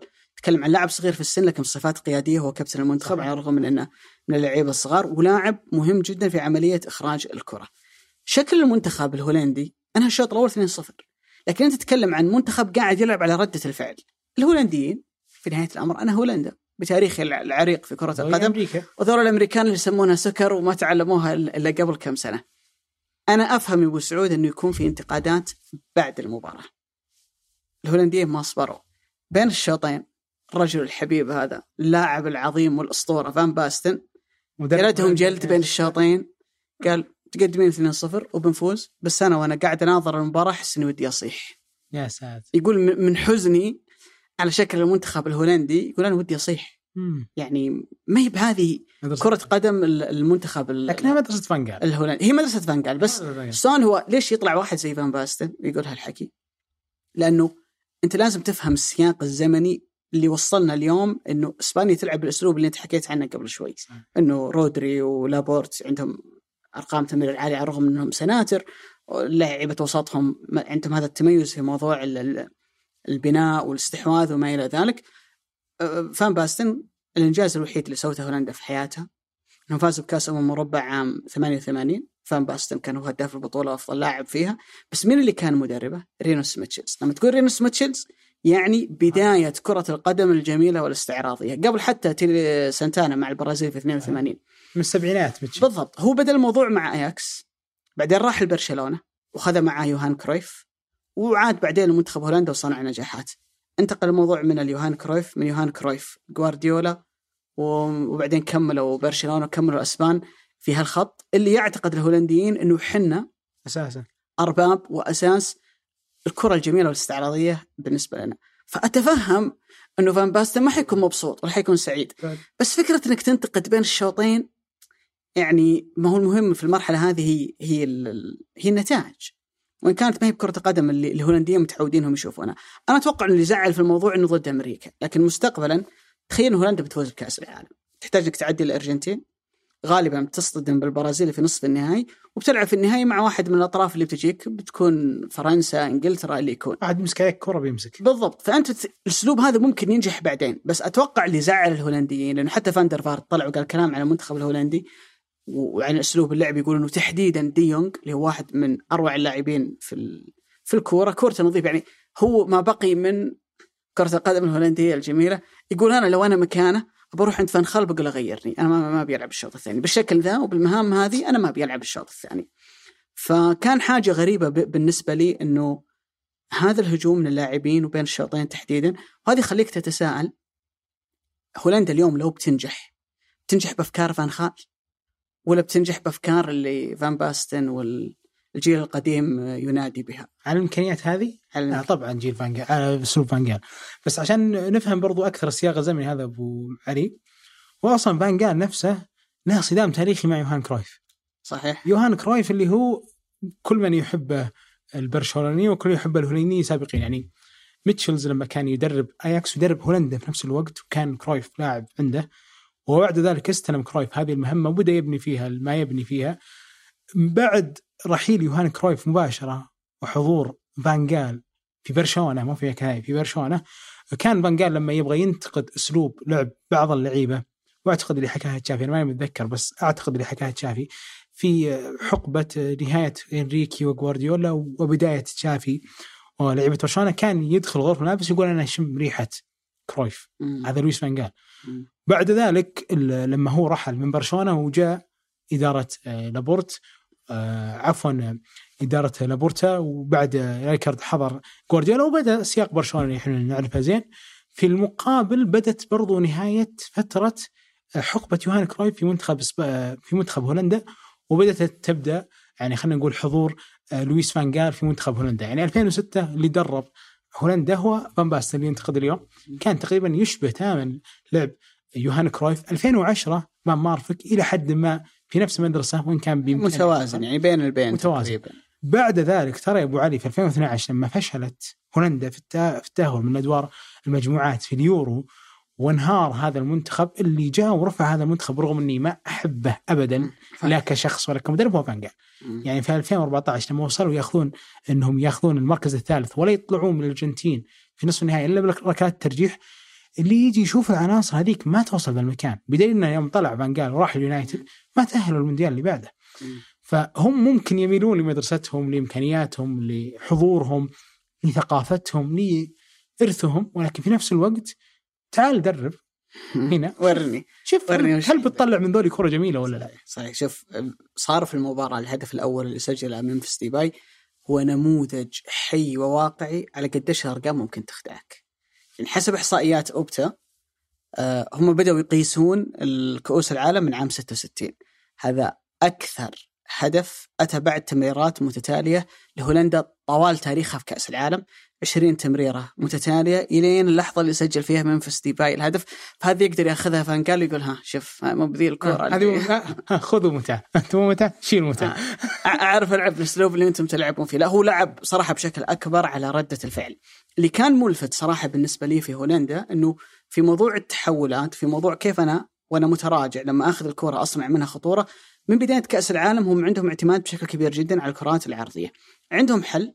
يعتبر جيد إلى حد ما اللي هو جاكبو طوله 189 سم لكن المنتخب لا يوجد فيه أي لاعب تسعة صريح أو كل لعيبة التسعه اللي فيه لعيبة عاديين إمكانياتهم ما هي ذاك الزود. لكن منتخب ذكي جدا في استغلال كل الكرات العرضية اللي موجودة، عملية تفريغ المساحات، مثل حالة الهدف الأول اللي نشوفها كيف إن في لاعبين يسحبون مدافعي المنتخب الأمريكي إلى داخل منطقة الجزاء ويجي لاعب ثاني يأخذها على قوس منطقة الجزاء زي ما سجلها منفس ديباي، الهدف الثاني إن الكره تلعب من الظهير الأيمن للظهير الأيسر. فكرة إنك تلعب على العرضيات ترى لا تعني بالضرورة إنك تلعب الفولي، الكرة العالية ويجي لاعب يطقها بالرأس. يعني ريال مدريد لما لما فاز على يوفنتوس 4-1 في نهاية دوري أبطال أوروبا كان يضرب المثل باليوفي في ذيك صحيح. ذيك النسخة في الصلابة الدفاعية. وريال مدريد يلعب عرضيات. طيب شلون أفوز عليك وأنا ألعب عرضيات وأنت عندك كليني وبونوتشي؟ ما حلعبها لك فوق. حلعبها لك على الأرض حلعبها لك على قائم ثاني. اليوم يعني صارت علم وت... يعني يمكن أكثر واحد طور هالموضوع في السنوات الأخيرة هو بيب جوارديولا إنه أكل البريمير ليج بالكرات العرضية وما قبل هالاند ما عنده مهاجم طويل. لكن الموضوع شلون أتحرك شلون أخلق لنفسي مساحات. الهدف الثالث كان تتويج لي للفكرة إنه ردها بليند مثل ما أنت صنعت لي الهدف الثاني صنعت لك الهدف الثالث. لو بنرجع لمبارياتهم في دور المجموعات ترى كانت الفكرة عندهم من البداية. واحد من أهم الأهداف اللي كان حسم لهم مباراة السنغال الهدف اللي سجله جاكبو وكان تمريره رائعه جدا من دي يونغ بتلاحظ إنه الممرر. موجود على أقصى الطرف الأيسر والمستقبل موجود على أقصى الطرف الأيمن اللاعب المستهدف اللي بيسجل الهدف بعيد تماما عن منطقة الخطر اللي هو جاكبو بيلعب بعد ذلك في اللحظة اللي قبل هنا نتذكر ما تكلمنا عن الأرجنتين مهم. الفهم والذكاء قبل حتى ما تطلع الكورة من رجل ديونج جاكبو فهمها قص حركة نصف دائرية وخذ الكورة ما بين كوليبالي ومندي وسجل من خلالها الهدف اللي كان مهم جدا بالنسبة لهم في دور المجموعات فهم يعتمدون بشكل كبير جدا على العرضيات لكنهم أذكياء جدا في استغلال هالعرضيات واللي أعتقد إنه لازم سكالوني يدرس هالموضوع بشكل كبير جدا قبل المباراة الجاية. تتوقع جاكبو أبو علي بيكمل في الدوري الهولندي بعد المونديال؟ لا ما أظن يعني أنا أحس إنه الكورة اليوم لو تشوف فالفيردي بيلينغهام كثير من اللاعبين الكورة قاعدة تروح بالاتجاه البدني يعني صار اللاعب البدني له مكانة في الكورة أكثر من اللاعب الحريف. صح بدري جافي وغيرهم لكن أنا أشعر إنه في هالمرحلة إنه اللعيبة البدنيين فيه اهتمام كبير جدا بالنسبة لهم المباريات صارت أصعب. وأشرس تتكلم عن لاعب 189 سم قوي بدنيا سريع ده يوفر لك كثير من الحلول وأيضا لاعب هداف فبالتالي أتوقع إنه بيكون في تهافت عليه في الفترة الجاية. لكن بما ان تكلمنا عن؟ بلينغهام أعوذ بالله من الشيطان. هل تتخيل؟ آه لا ما هندرسون. ما أتخيل. فابينيو. وكذا والسيتي قاعد يحاول. يبني لعب. تكفى. وهو لاسق فيهم قاعد هو. حال مدريد بعيد أنا جالس وأنا أشوف السياق ال- كل شيء يصير يعني. تهوجس فيه ها؟ هوجس والله في هذا الموضوع. يعني يورجن كلوب واحد. بس بس أبو سعود لا تشيل هم. يعني بنزيما قاعد ملزق في مبابي ويحاول يغري آخر شيء ما جاء. ما يعني يسمع منه حركات هندرسون لا لا, لا آه. تغرق. بؤك باب السماء. عني أنا آه، أنا أحب بلينغهام من صرت أتابعه بالصدفة أول ما انتقل. جلست كذا أحاول أبحث أشوف آه، من في لاعب في إنجلترا في المنتخب برا. أو حتى لا- لاعب إنجليزي برا. فما كان في الا سانشو كان في أشلي يونغ في إنتر وسمولينج ما بعد انتقل إبراهام ولا بعد انتقل تريبير للاتليتيكو فكان في بيرمنغهام فدخلت أشوف تخيل أبو علي إنه بيرمنغهام ناديه علق رقمه لما انتقل. يا ساتر. لاعب عمره 16 سنة يعني شيء مذهل. اعلق رقم واحد عمره 16 سنة يلعب عندي موسم واحد. إنه يلعب عندي موسم واحد علق رقم هذا شيء غريب. فكيف إنه يعلق رقمه؟ وعمره ما 16 ما سنة. سواها عبث يا أبو آه. يا أخي اللي يحيرك اليوم قدرتهم على اكتشاف الموهبة في عمر صغير، اليوم طالع أخبار إنه ريال مدريد بيدفع في لاعب برازيلي 70 مليون عمره 16 سنة وبينتظره سنتين لأنه ما يقدر يطلع من البرازيل قبل ما يكمل صحيح. 18 كيف أنت آمنت إن هاللاعب بيكون شيء مهم في المستقبل؟ لأنه ريال مدريد فعل ذات الأمر مع رودريجو مع فينيسيوس وأثبتت التجربة أن رهانهم كان في محله. هذا الشيء اللي إحنا نفتقده، أنا لما أشوف النماذج هذه أنا أحزن على واقعنا. كيف إن اللاعب في عمر 16 سنة ناديه يعلق رقمه من كثر ما هم مؤمنين إنه هذا حيكون حاجة عظيمة في المستقبل. وانه انه يلعب ابو علي أصلا في بيرمنغهام في الشامبيون يعني الشامبيون يعني إذا جيت تصنف أصعب دوريات العالم فأكيد إنه يعني غير ال top five هو بعدهم على طول. ما في حتى الدوريات ال- آه الكبرى في باقي ناس أوروبا. تستهين فيه بس تراه كقيمه سوقيه و- طويل ونجوم. طويل يا أبو علي. دوري طويل طويل طويل يعني متعب متعب. أظن 42 جولة إذا ما كان 42 جولة تتكلم يعني حتى أكثر من البريمير ليج وفترات ال- الكريسماس يلعبون أكثر من من غير ال play off اللي يصير عندهم في نهاية اي وغير هاي هذا 42 جولة خلى على جنب ثم تلعب play off على مستوى التأهل اللي اعتقد من الثالث إلى آه، السادس إلى السادس. إيه. هذول يلعبون play off هو دوري صعب ونجح فيه عمره 16 سنة. فهذول الحين يحسب لهم إنهم لا وفي آمنوا انجلترا فيه. دوري بدني. إي ولا ويحسب لهم بعدين إنهم آمنوا فيه عمره 16 سنة. اللي يحسب له أكثر اللي جاء من ألمانيا ياخذ لاعب إنجليزي لألمانيا. لاعب إنجليزي خالص يعني ما هو حتى مواليد يعني ما هو ساكا وستيرلينج لا إنجليزي خالص. ياخذه من الم... ويديه ألمانيا ويتعهد له إنه يلعب أساسي. مم. ولما يلعب في ال Champions League يلعب قدام Man City بكل ثقة على مستوى الادوار الأقصائية. وسجل هدف جدا ممتاز. ولكن آه، كل هذا في كوم إنهم استهدفوه وخذوه كموهبة ثم تطور بدنيا وبدأ لك إنه لاعب جدا عظيم بهذا الجانب وعقله في كوم. يعني أنا أجزم يا أبو علي إن السنغال كانت أفضل. إلى أن سجل هندرسون. السنغال بداية الشوط تحديدا لما مع إني أحب والكر ترى كثير لما لعب سار على والكر الكثير يعني إلى قبل عشر ما عشر دقائق. إلى قبل دقيقة من هدف. هندرسون سار كان مسبب لوالكر فاول. واعتقد إن والكر خذ كرت أصفر. على ولكن قولة المصريين لسه التقيل جاي يعني لسه أنت خلصت من سار يجيك مبابي المباراة الجاية. لا واضح إن والكر مو بجاهز. أنا أقول واضح إن والكر مو بجاهز وواضح إن السيتي صفقته الجاية بتكون ظهير ايمن لأنه إصابتين ثقيلة كلها أثرت عليه كثير.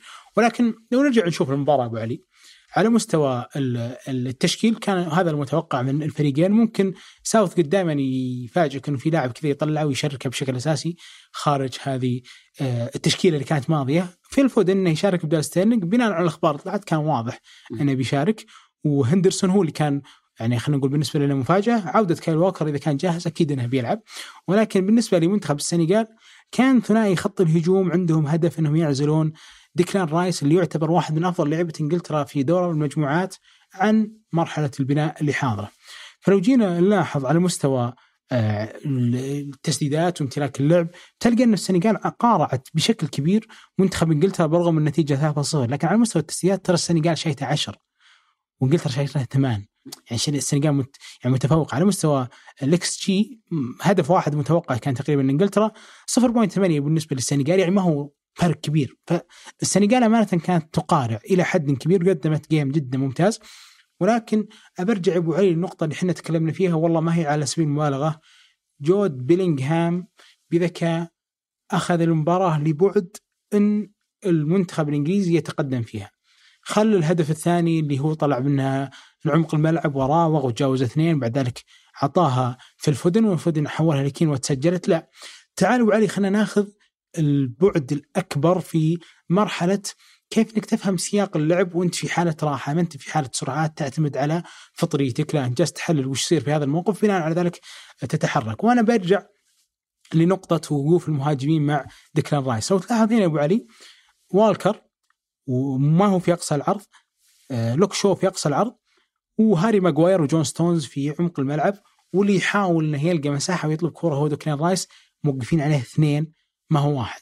أحيانا كان في واحد يوقف معه والثاني اللي يضغط على الكرة. إذا راحت الكرة للجانب الثاني اللاعب اللي يضغط يروح يوقف معه واللي عكسه يروح يضغط. هذا لأنه في توجيه ما نبي إنجلترا تاخذ في عمق الملعب أي افضليه وذكر رايس لو إنه طلع بهذه الكرة أكيد إنه بيسبب مشاكل.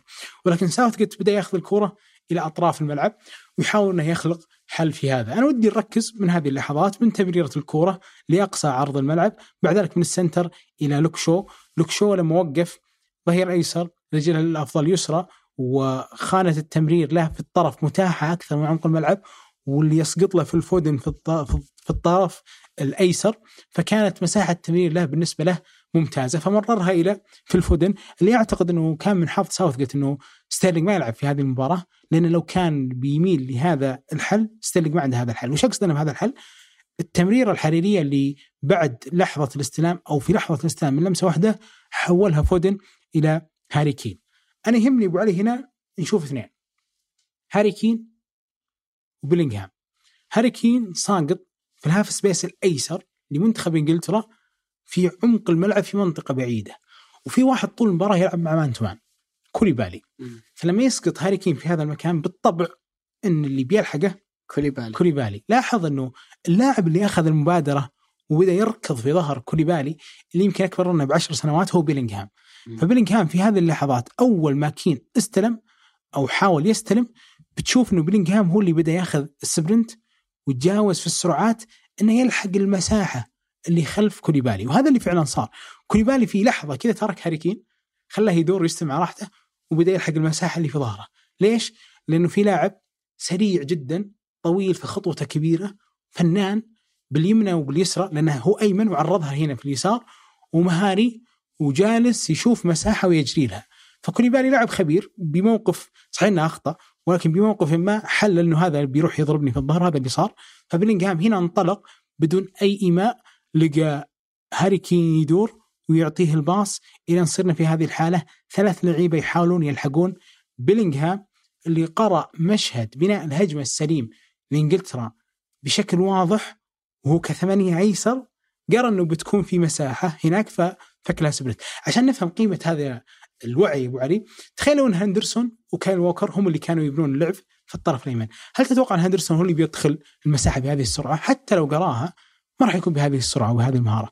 فانطلق بلينغهام طلب الكرة في المساحة اللي خلف كوليبالي. ثلاثة حاولوا يلحقونه. راوغ الأول وبعد ذلك عرضها بقدمه اليسار ما بين أربعة لعيبة إلى هندرسون وبعد ذلك هدف. هذا الذكاء يواجه إمكانيات بدنية عالية سنتين في دورتموند. أساسي اليوم هذه السنة ونص عفوا ما هي سنتين في دورتموند. استثمروا فيه مبلغ عالي.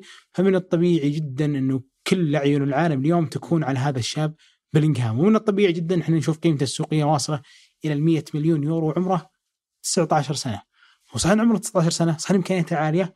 ولكن في نفس الحال لعب اليورو لعب المونديال لعب ثلاثة Champions وكابتن لعب- الفريق وكابتن فريق سابق ومعلقين رقمه إيه، دورتموند حتى دورتموند كثير مباريات هو ياخذ الكابتنية. وفريقه السابق معلق رقمه وما بعد دخل ال 20 سنة فعنده ميزان خبرة بخلاف إمكانياته الكبيرة ولكن بغض النظر عن هذا الهدف بالتحديد حتى في الهدف الثاني كانت له الأفضلية حتى في قرار ساوثجيت إنه لما شاف إنه اصيب فيليبس فاللي بيدخل عنه بروفايل مختلف إلا إنه بدأ يبني على إمكانياته أنا هذا الشيء احسبه أمانة لساوثجيت حطيت في بالك إنه ممكن هذا اللاعب في هذا المونديال ينفجر كذا و... وياخذ أفضل أيامه؟ شوف هو هو نقلة نوعية لإنجلترا على مستوى خط الوسط. يعني إنجلترا في البطولات السابقة يمكن ماونت يلعب أساسي فيليبس بوضوح كإمكانيات هو أعلى منهم كلهم. صحيح. قاعد يقدم حل هجومي مهم لإنجلترا من بداية البطولة. وميزته دائما وكان ظهر الموضوع في الهدف اللي سجله أمام إيران إنه يعرف دائما كيف يجري للمساحة يعرف كيف يعمل الزيادة العددية. ويلعب بشكل كبير جدا دائما قريب من هاري كين. يعني لو تتذكر الهدف اللي سجلوه على إيران الكره الطويله اللي كانت من. بيكفورد من من الخلف واستلمها هاري كين. أول ما استلمها لقى على طول مع بلينغهام بلينغهام هو اللي جاره بعد ذلك وعملها هاري كين وتسجلت. اللي يلفتني فيه هو فهمه الرائع جدا لإمكانياته وخصائصه كلاعب. أنا ماني مودريتش ولا أني إنييستا ولا أني تشافي. أنا ما راح أكون قوي في حالات الثبات اللي بستلم الكورة وبثبتها وبرفع راسي وأقدر أجري من بين اللاعبين وأقص من بينهم بالكورة. أنا قوتي في إني أخذ الكورة في المساحة أنا قوتي في عملية الارتداد زي الهدف الثاني إني خطوتي طويلة فأعرف أجري بالكورة وأحميها من أي منافس ثاني. قوتي في الزيادة داخل منطقة جزاء سواء في العرضيات العالية أو الأرضية. تحس إن لاعب يعني إلى جانب ذكائه ووعيه التكتيكي فاهم بشكل عجيب جدا قدراته هو كلاعب يعني ما يحط نفسه في مواقف يبان فيها إنه هو ضعيف. يعني لو حاول ان يستلم الكورة مثلا ويجي لاعب يضغط عليه بيبان إنه مثلا بطيء في الدوران بيبان مثلا الاستلام والتسليم عنده ما هي بأهم ميزة أو خصائص عنده لكنه باستمرار يعرف يعطيك أداء مرتبط بالخصائص اللي هو موجود متميز فيها وأعتقد إنه كمان ساوث جيت يعني وظفه بشكل جيد. في بداية البطولة مباراة إيران تحديدا كانت الفكرة إنه هو اللي بيلعب قريب ديكلان رايس وماونت هو اللي بياخذ الجانب الهجومي أو الزيادة الهجومية واللي بيلعب قريب يعني لل لبقية عناصر خط الهجوم تكلم عن هاري كين والجناحين اللي موجودة. في المباراة الأخيرة لا نزل هندرسون وممكن لو جهز فيليبس نشوفه في المباريات الجاية. وأتوقع إنه من هنا لنهاية البطولة بيعتمد على بيلينغهام إنه بيكون هو العنصر الأقرب إلى الثلاثي اللي موجود في الأمام. هو خذ ثناء كبير بعد المباراة لكن أعتقد كل المدربين ال 32 في كأس العالم ما يتمنون مهاجم أكثر من هاري كين. الرجل يلعب يعني يأثر هو بنفسه وقاعد يلعب الزملاء. يعني بتلاحظ إنه في معظم الحالات الهجومية لمنتخب إنجلترا تحرك منه جري في المساحة يسحب معاه مدافع دائما يعمل على فكرة إنه يحضر الزملاء. وبارع جدا هاري كين في فكرة إنه يلعب ظهر للمرمى. يعني ليفاندوفسكي قوي ظهر للمرمى سواريز لما كان في عافيته لما كان بس هاري كين أضاف عليها جانب إنه أنا أعرف ألعب ظهري للمرمى بس لما أدور أنا أعرف أنا أعرف أوصل لل- للمرمى بشكل جيد وأعتقد إنه هو مميز في هالجانب لكن ال- الوضعية اللي قاعد يلعب فيها مع توتنهام إنه خاصة مع كونتي إنه ما يستحوذ زي ليفربول والسيتي ويلعب في أحيان كثيرة بعيد عن مرمى الفريق المنافس مع الوقت طور مهاراته في إنه يلعب بعيد عن 18 أو خلينا نقول منطقة السته للفريق المنافس ومع ذلك هداف ومؤثر وعنصر مهم جدا بالنسبة للمنتخب الإنجليزي آه ما نقدت على كونتي على في ال... ريتشارلسون مكسر الدنيا سون مكسر الدنيا مم. هاري كين مكسر الدنيا بس يبي يلعب دفاعي بس بيلعب دفاعي. اللي شاف مباراة توت... اللي. شاف مباراة آه... توتنهام وأرسنال قبل المونديال على طول مم. توتنهام كان عبارة عن أظهرة وسناتر. آه... بيريسيتش وكين. مم. وصراحة إنه أنا أحب كونتي أنا جدا أحب. كونتي. وكنت أؤمن إنه اللي شيء بيخوفني كواحد يحب المان سيتي إنه يدخل على لكن كمية العجز اللي صايرة في توتنهام ينام عليها صراحة. يعني ما ياخذ أفضل ما عند العناصر اللي عليه اليوم. يعني كنا اللي شفنا اليوم سون إيش سوى في منتخب البرتغال. نشوف هاري كين وش يسوي في منتخب إنجلترا.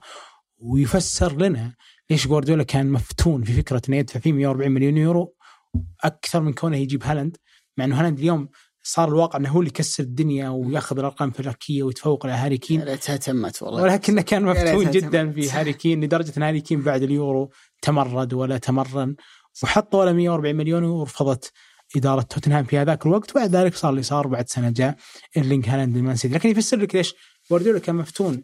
هذا النوع من المهاجمين بالرغم إنه أكبر من هالاند صحيح بحدود ست. سبع سنوات. على سيرة أفكار المدربين اللي في الأندية اللي تنتقل للمنتخبات. أنا آخر شيء كنت أتوقعه أنه البرازيل بقيمتها ومكانتها في الكورة. م. تبي تاخذ فكرة من مكان آخر؟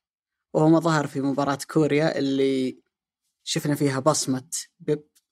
كلاعب أولا كان بيب يدربه وكفكرة اللي بيب ممكن قدمها خلال السنوات ال- ال- الماضية. البرازيل من بداية البطولة هم عندهم اعتماد على نيمار وباكيتا كلاعبي ثمانيات مع آه كاسيميرو يلعب لاعب ستة ويلعب ثلاثة قدام اللي هم ريتشارلسون وفينيسيوس جونيور ورافينيا الثلاثة اللي مثبتهم من بداية ال- البطولة.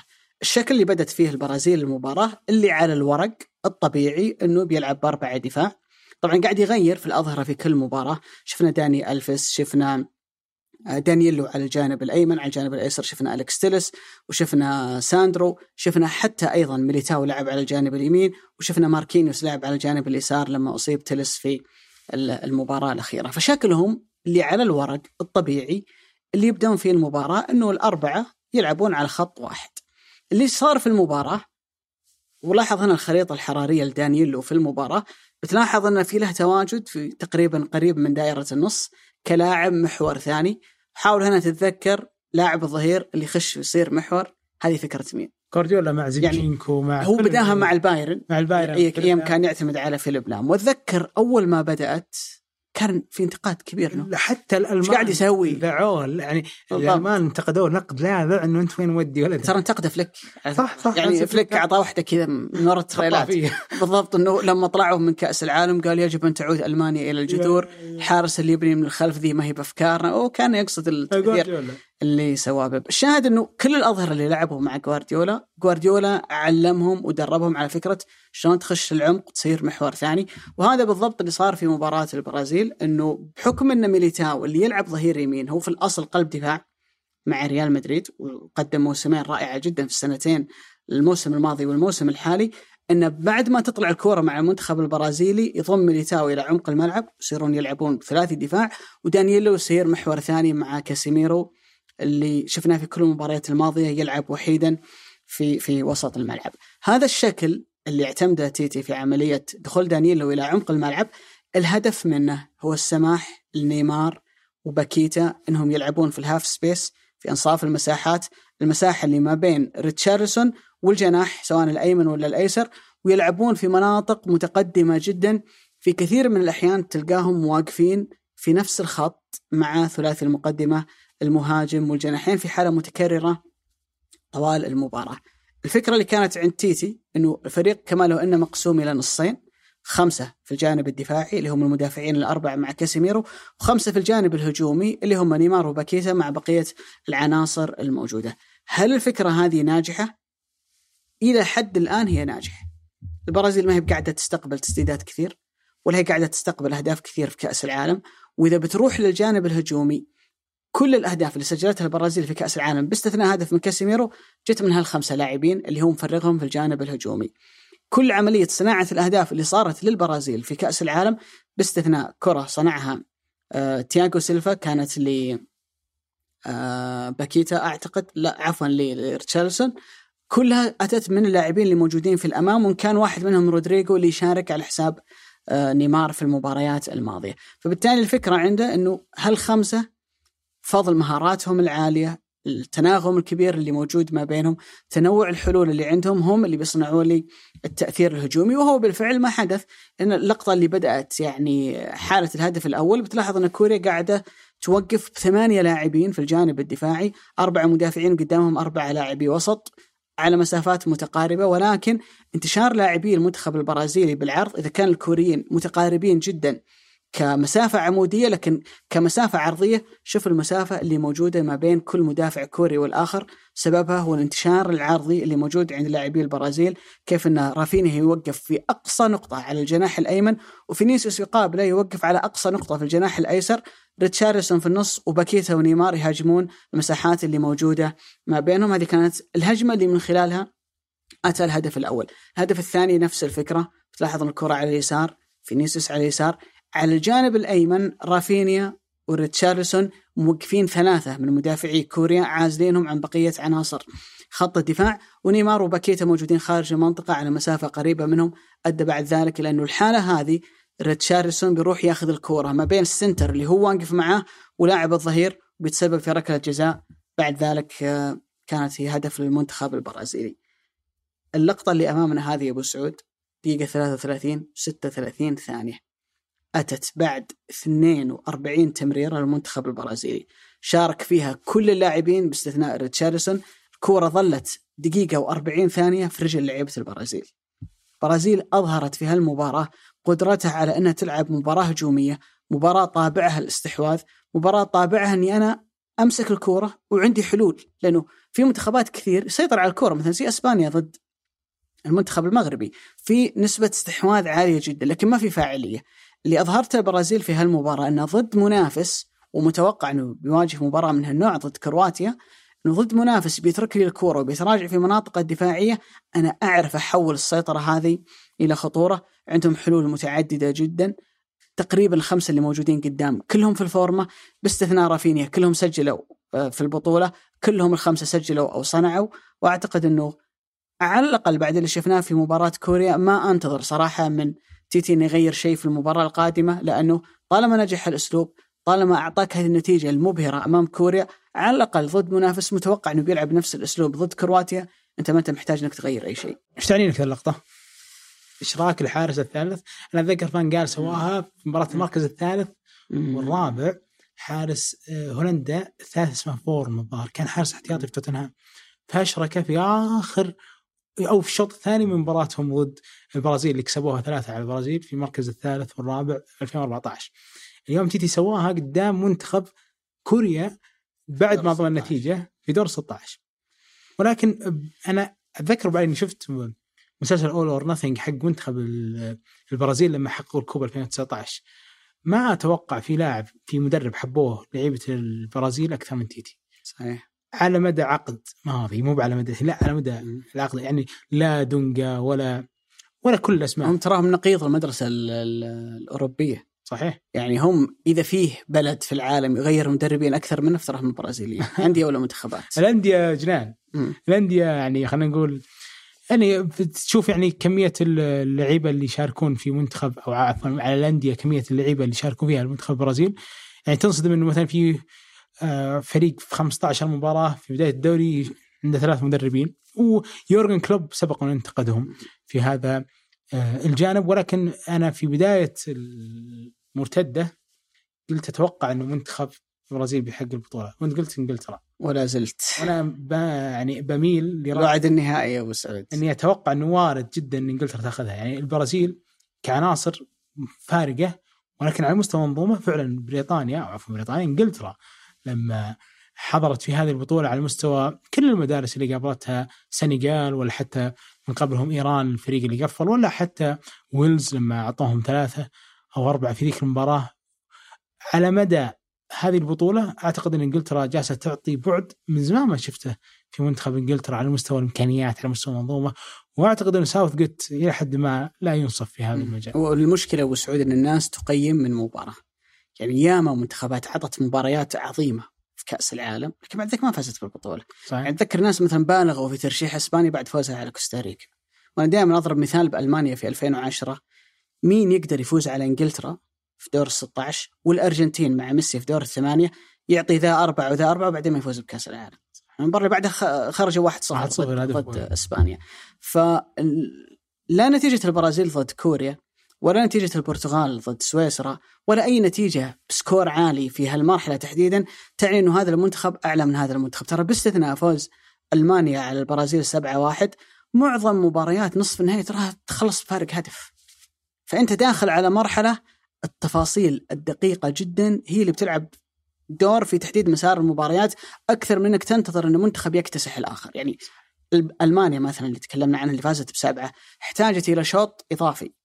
وإلى لاعب ينزل من الدكة اللي هو جوتزا وإلى هيجوين إنه يضيع ذيك الفرصة اللي ما تضيع عشان تربح كأس العالم. صحيح. وهي كانت قبلها أظهرت للعالم إنه اكتسحت البرازيل في الماراكانا معناته إنه أنت وصلت إلى مرحلة ما حد يقدر عليك. خلص على الأرجنتين. ومع ذلك بعدها بأيام عانيت أمام الأرجنتين. فأعتقد إنه الأحكام مبكرة إنه إذا تقيس على مباراة لكن الواحد ينظر إلى سكواد إلى استقرار فريق إلى تجانس مع مدرب إلى تنوع حلول. وترى ممكن حتى في الأدوار القادمة إصابة إيقاف لاعب تلعب دور كبير جدا. في تحديد من يتأهل. لكن هل الانطباع هذا اللي تاخذه من المباراه وصل إليك إنه البرتغال عندها حاجة مختلفة بعد فوز هو الأكبر في تاريخ كأس العالم في دور ال 16 المنتخب يفوز 6-1 جاك هالشعور إنه البرتغال هالمرة جاية عندها شيء مختلف عن السابق. لا. ورا. آه. يعني زعلان على رونالدو يعني. لا.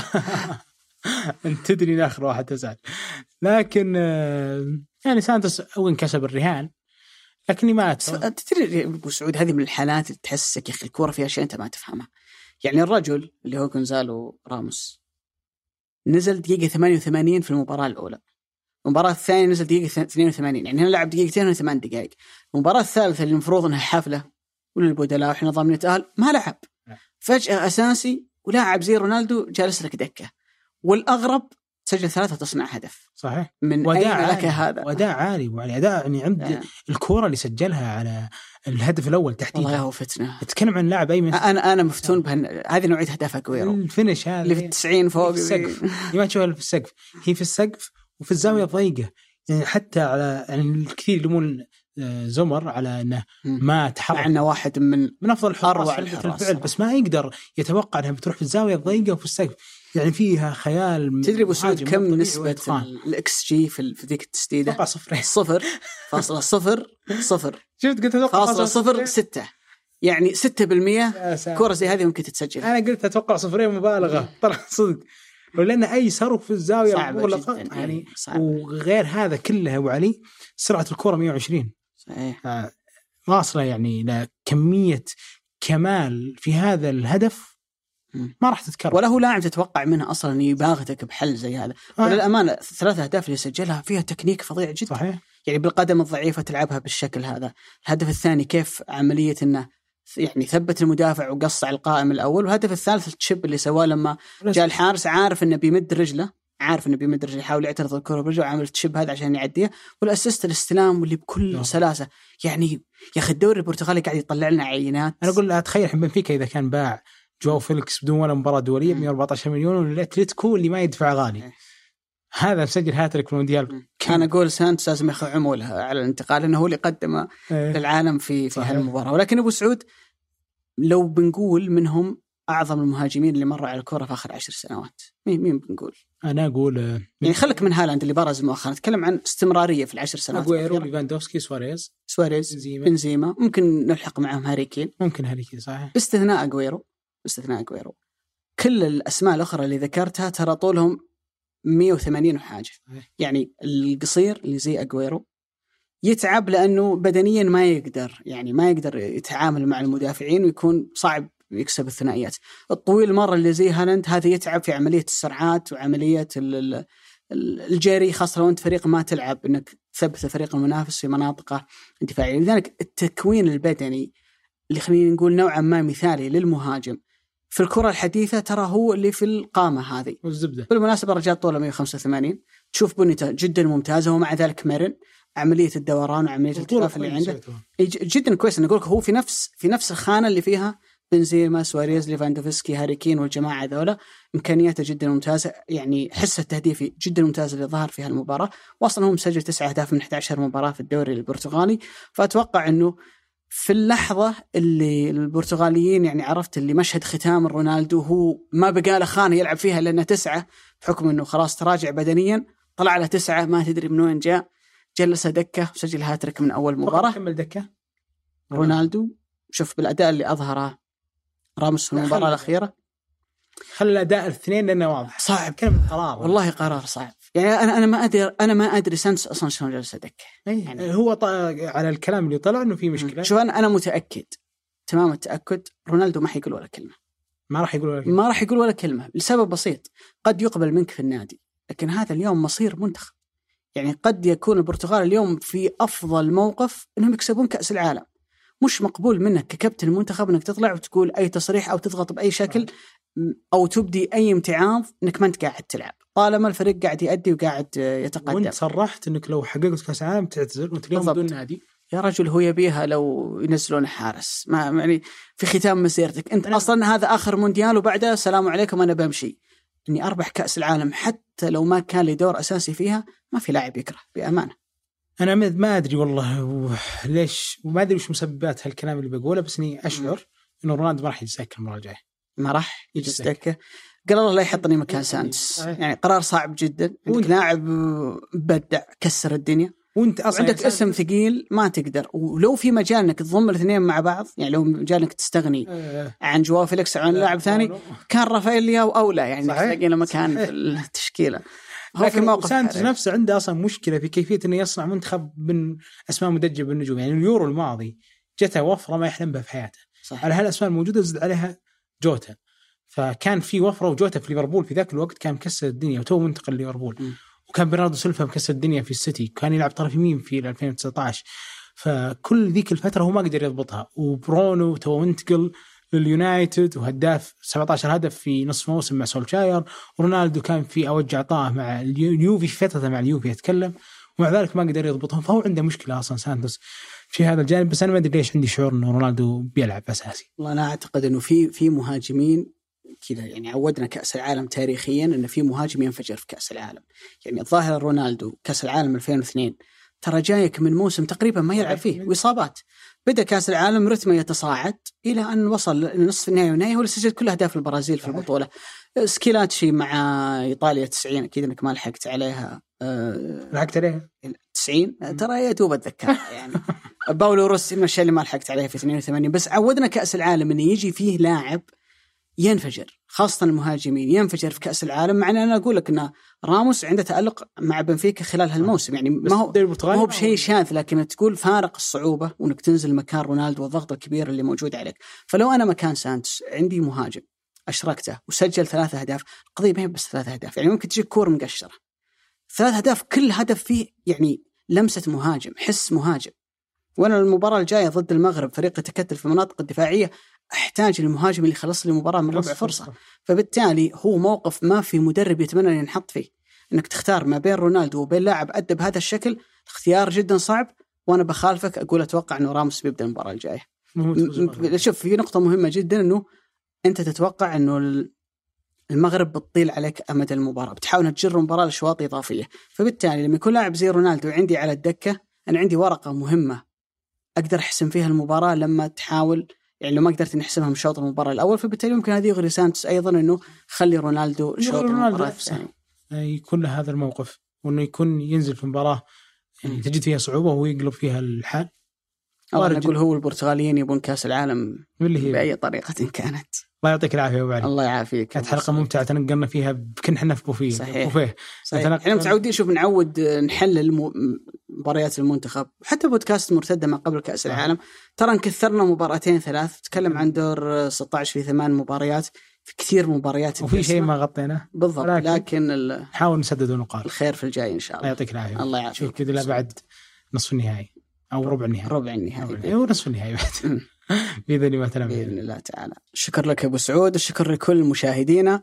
شكر أيضا لأسيل با عبد الله في الإخراج الإبداعي في الإخراج الفني مجد القرشي في إدارة التصوير وهاب موسى وفي التصوير ياسر كدشه في الهندسة الصوتية عبد العزيز المزي فني إضاءة أمجد حديد مساعدي إضاءة محمد سواس وغالب جانودي. في التلوين عبد المجيد العطاس وفي التحرير عبد الرحمن الصوفي ومرام الضبيبان منتج أصيل بافرط منتج منفذ رزان دهيثم مساعد إنتاج عبد المجيد باوزير وفي الإشراف جميل عبد الأحد. هذا بودكاست مرتدة أحد منتجات شركة ثمانية للنشر والتوزيع. نلتقيكم بإذن الله تعالى بعد مباريات دور الثمانية